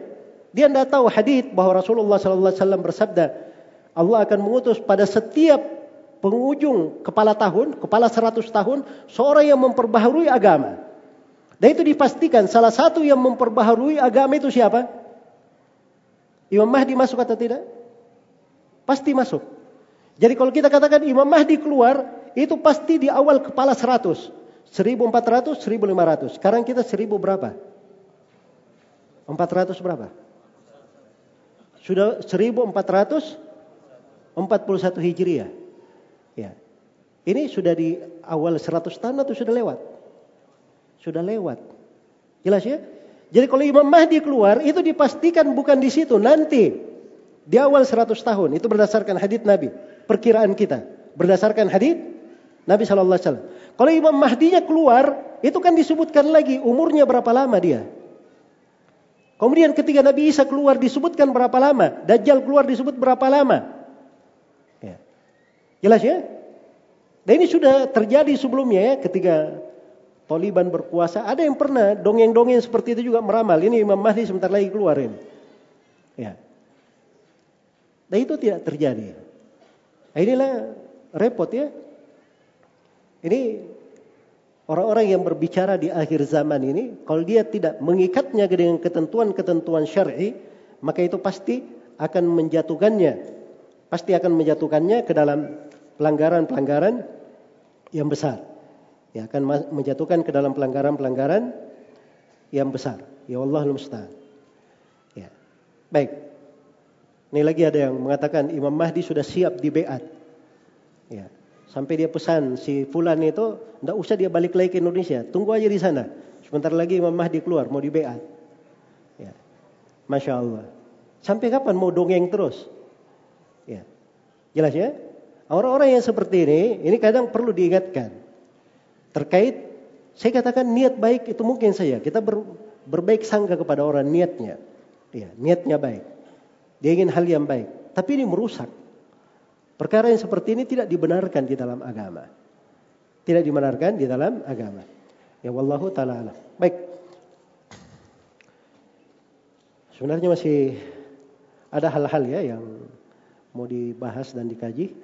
Tapi mudah-mudahan apa yang disampaikan dari tema pembahasan kita, dari kaidah-kaidah, kemudian bagaimana cara berpijak, dan itu sebenarnya pokok yang ingin saya ingatkan di sini. Ya, pokok yang ingin saya ingatkan, bagaimana supaya seorang itu ada cara berpijak, cara memahami hadis-hadis seputar kejadian akhir zaman. Ya wallahu taala Baik, masih ada waktu? Saya baca pertanyaannya.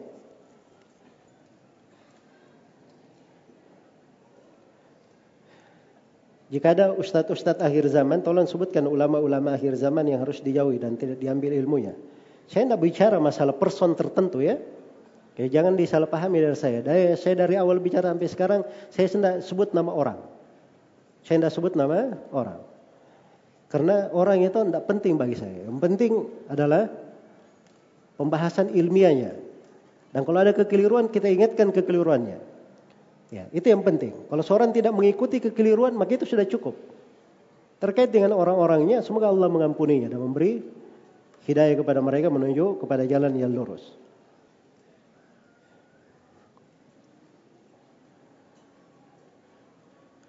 Ustadz mana yang harus diikuti pada akhir zaman ini?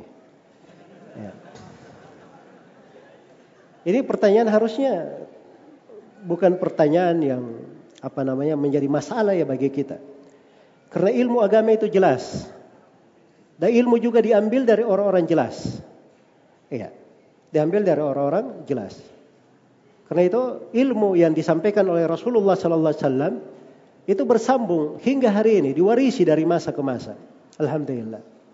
Karena itu kriteria seorang guru yang kita mengambil ilmu darinya, yang pertama, guru ini adalah lurus akidahnya. Sesuai dengan akidah ahli sunnah wal jamaah. Ya. Akidah itu kalau tidak terkontrol, dia bisa masuk dalam kesalahan beraneka ragam. Saya beri satu contoh kesalahan ya. Ini ustadz-ustadz akhir zaman ini sering cerita masalah Dajjal. Katanya Dajjal itu punya sihir. Dia bisa menurunkan hujan apa segala macam. Itu dia katakan dengan bahasa sihir. Dan itu pendapat menyelisihi mayoritas ahli sunnah wal jamaah. Sebab ahli sunnah meyakini bahwa apa yang dilakukan oleh Dajjal menghidupkan orang mati, ya, kemudian dia menumbuhkan tumbuhan-tumbuhan, menurunkan hujan, itu hakikat, bukan sihir. Tapi hakikat. Allah beri kemampuan kepada Dajjal untuk hal tersebut agar supaya menjadi fitnah yang sangat besar.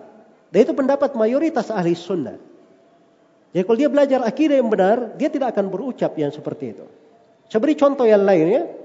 Ini saya tidak bahas tadi masalah sebagian orang ini cerita lagi masalah-masalah untuk apa namanya bikin kampung akhir zaman itu. Ya salah satu motivasinya ya dia cerita kejadian di Ambon katanya waktu terjadi kerusuhan. Ini saya maaf ya saya tidak ingin berbicara tentang sebuah perkara yang sudah selesai ya. Dan di dalam negeri kita ini semuanya sudah aman, tidak ada masalah. Cuma di sini ada kesalahan akidah yang perlu saya ingatkan. Ya. Jadi katanya ini beberapa puluh orang dari umat Islam dikepun oleh sekitar 20 ribu, 2 eh, ribu orang dari Nasoro. Tiba-tiba mereka lari tunggal langgang katanya. Tidak tersisa kecuali tiga orang. Ya. Satu aparat, dia sebut lagi pakai baju coklat. Terus yang kedua seorang pendeta, satu lagi siapa begitu. Tiga orang saja yang tersisa. Ketika di ditahan karena mereka tersisa, tidak bisa lari, ditahan. Ya, katanya di belakangnya dia melihat hal yang dahsyat membuat mereka takut. Padahal kami katanya tidak melihat, mereka tidak melihat. Jadi mereka ingin bahasakan bahwa itu malaikat-malaikat tuh turun melihat. Dan itu kedustaan di pembahasan akidah, dusta. Jelas ya? Kalau belajar akidah yang benar saja, tidak mungkin percaya kisah-kisah yang seperti itu. Sama dengan kejadian di Suria. Katanya di Suria itu turun malaikat-malaikat. Dari mana kamu tahu? Kami lihat katanya malaikatnya putih, pakaian putih-putih, kudanya putih-putih. Ya. Semuanya serba putih, masya Allah. Sisa mereka tidak sebut saja, tai dan kencingnya harusnya putih semua. Ya. Jelas ya? Ini juga dusta namanya dalam perkara agama. Malaikat itu di keyakinan ahli sunnah, malaikat itu itu turun kalau dia berwujud manusia, turun berwujud manusia, tidak ada yang mengenalinya. Kalau dia turun berwujud manusia. Dan mereka bisa berwujud manusia. Karena itu Jibril ketika datang, ya di hadits Umar bin Khattab dikatakan rajulun syadidu bayadi thiyabi syadidu sawadi sya'ri. Seorang lelaki yang sangat putih bajunya, sangat hitam rambutnya. Ya. La ya'rifuhu minna ahad. Tidak ada seorang pun di antara kami yang mengenalnya. Jadi kalau dia turun sebagai manusia, tidak ada yang kenal. Itu malaikat. Jelas ya? Malaikat berwujud. Tidak ada malaikat yang datang dengan wujud aslinya. Tidak ada yang bisa melihatnya dengan wujud aslinya kecuali siapa yang diizinkan oleh Allah. Seperti Nabi kita Nabi Muhammad sallallahu alaihi wasallam.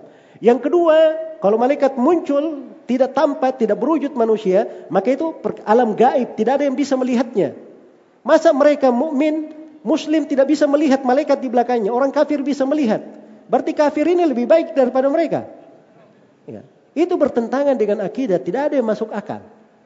Terus perlu diketahui malaikat itu kalau dia sudah turun membantu umat Islam, andai kata di Suria turun malaikat, tidak ada lagi yang namanya Bashar hari ini. Pasti akan selesai semuanya. Tidak ada yang namanya Bashar hari ini pasti akan selesai. Itu malaikat kalau sudah turun selesai masalah. Itu malaikat begitu. Jelas ya sifatnya. Maka ini perkara-perkara akidah. Dari mana sumber kekeliruannya? Keliru di dalam memasalah, tidak memiliki akidah yang benar. Akhirnya jatuh di dalam kekeliruan-kekeliruan. Baik ini mungkin yang bisa disampaikan karena waktunya sudah habis. Semoga Allah Subhanahu wa taala memberi kepada kita semua taufik dan rahmatnya dan melindungi kita semua di akhir zaman ini yang seorang hendaknya lebih banyak lagi mempelajari ilmu agama, ilmu syariat, berpegang dengan petua-petua Nabi sallallahu menghadapi fitnah-fitnah zaman. Dan yang paling pentingnya bagaimana seorang itu dia memperteguh dirinya pada ilmu dan amalan.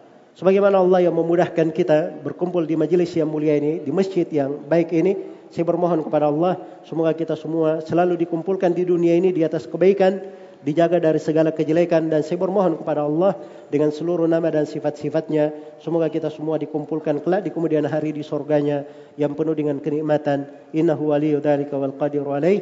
Wallahu taala alam. Subhanakallahumma wa bihamdik. Asyhadu an la ilaha illa anta astaghfiruka wa atubu ilaik. Walhamdulillahi rabbil alamin. Wassalamu alaikum warahmatullahi wabarakatuh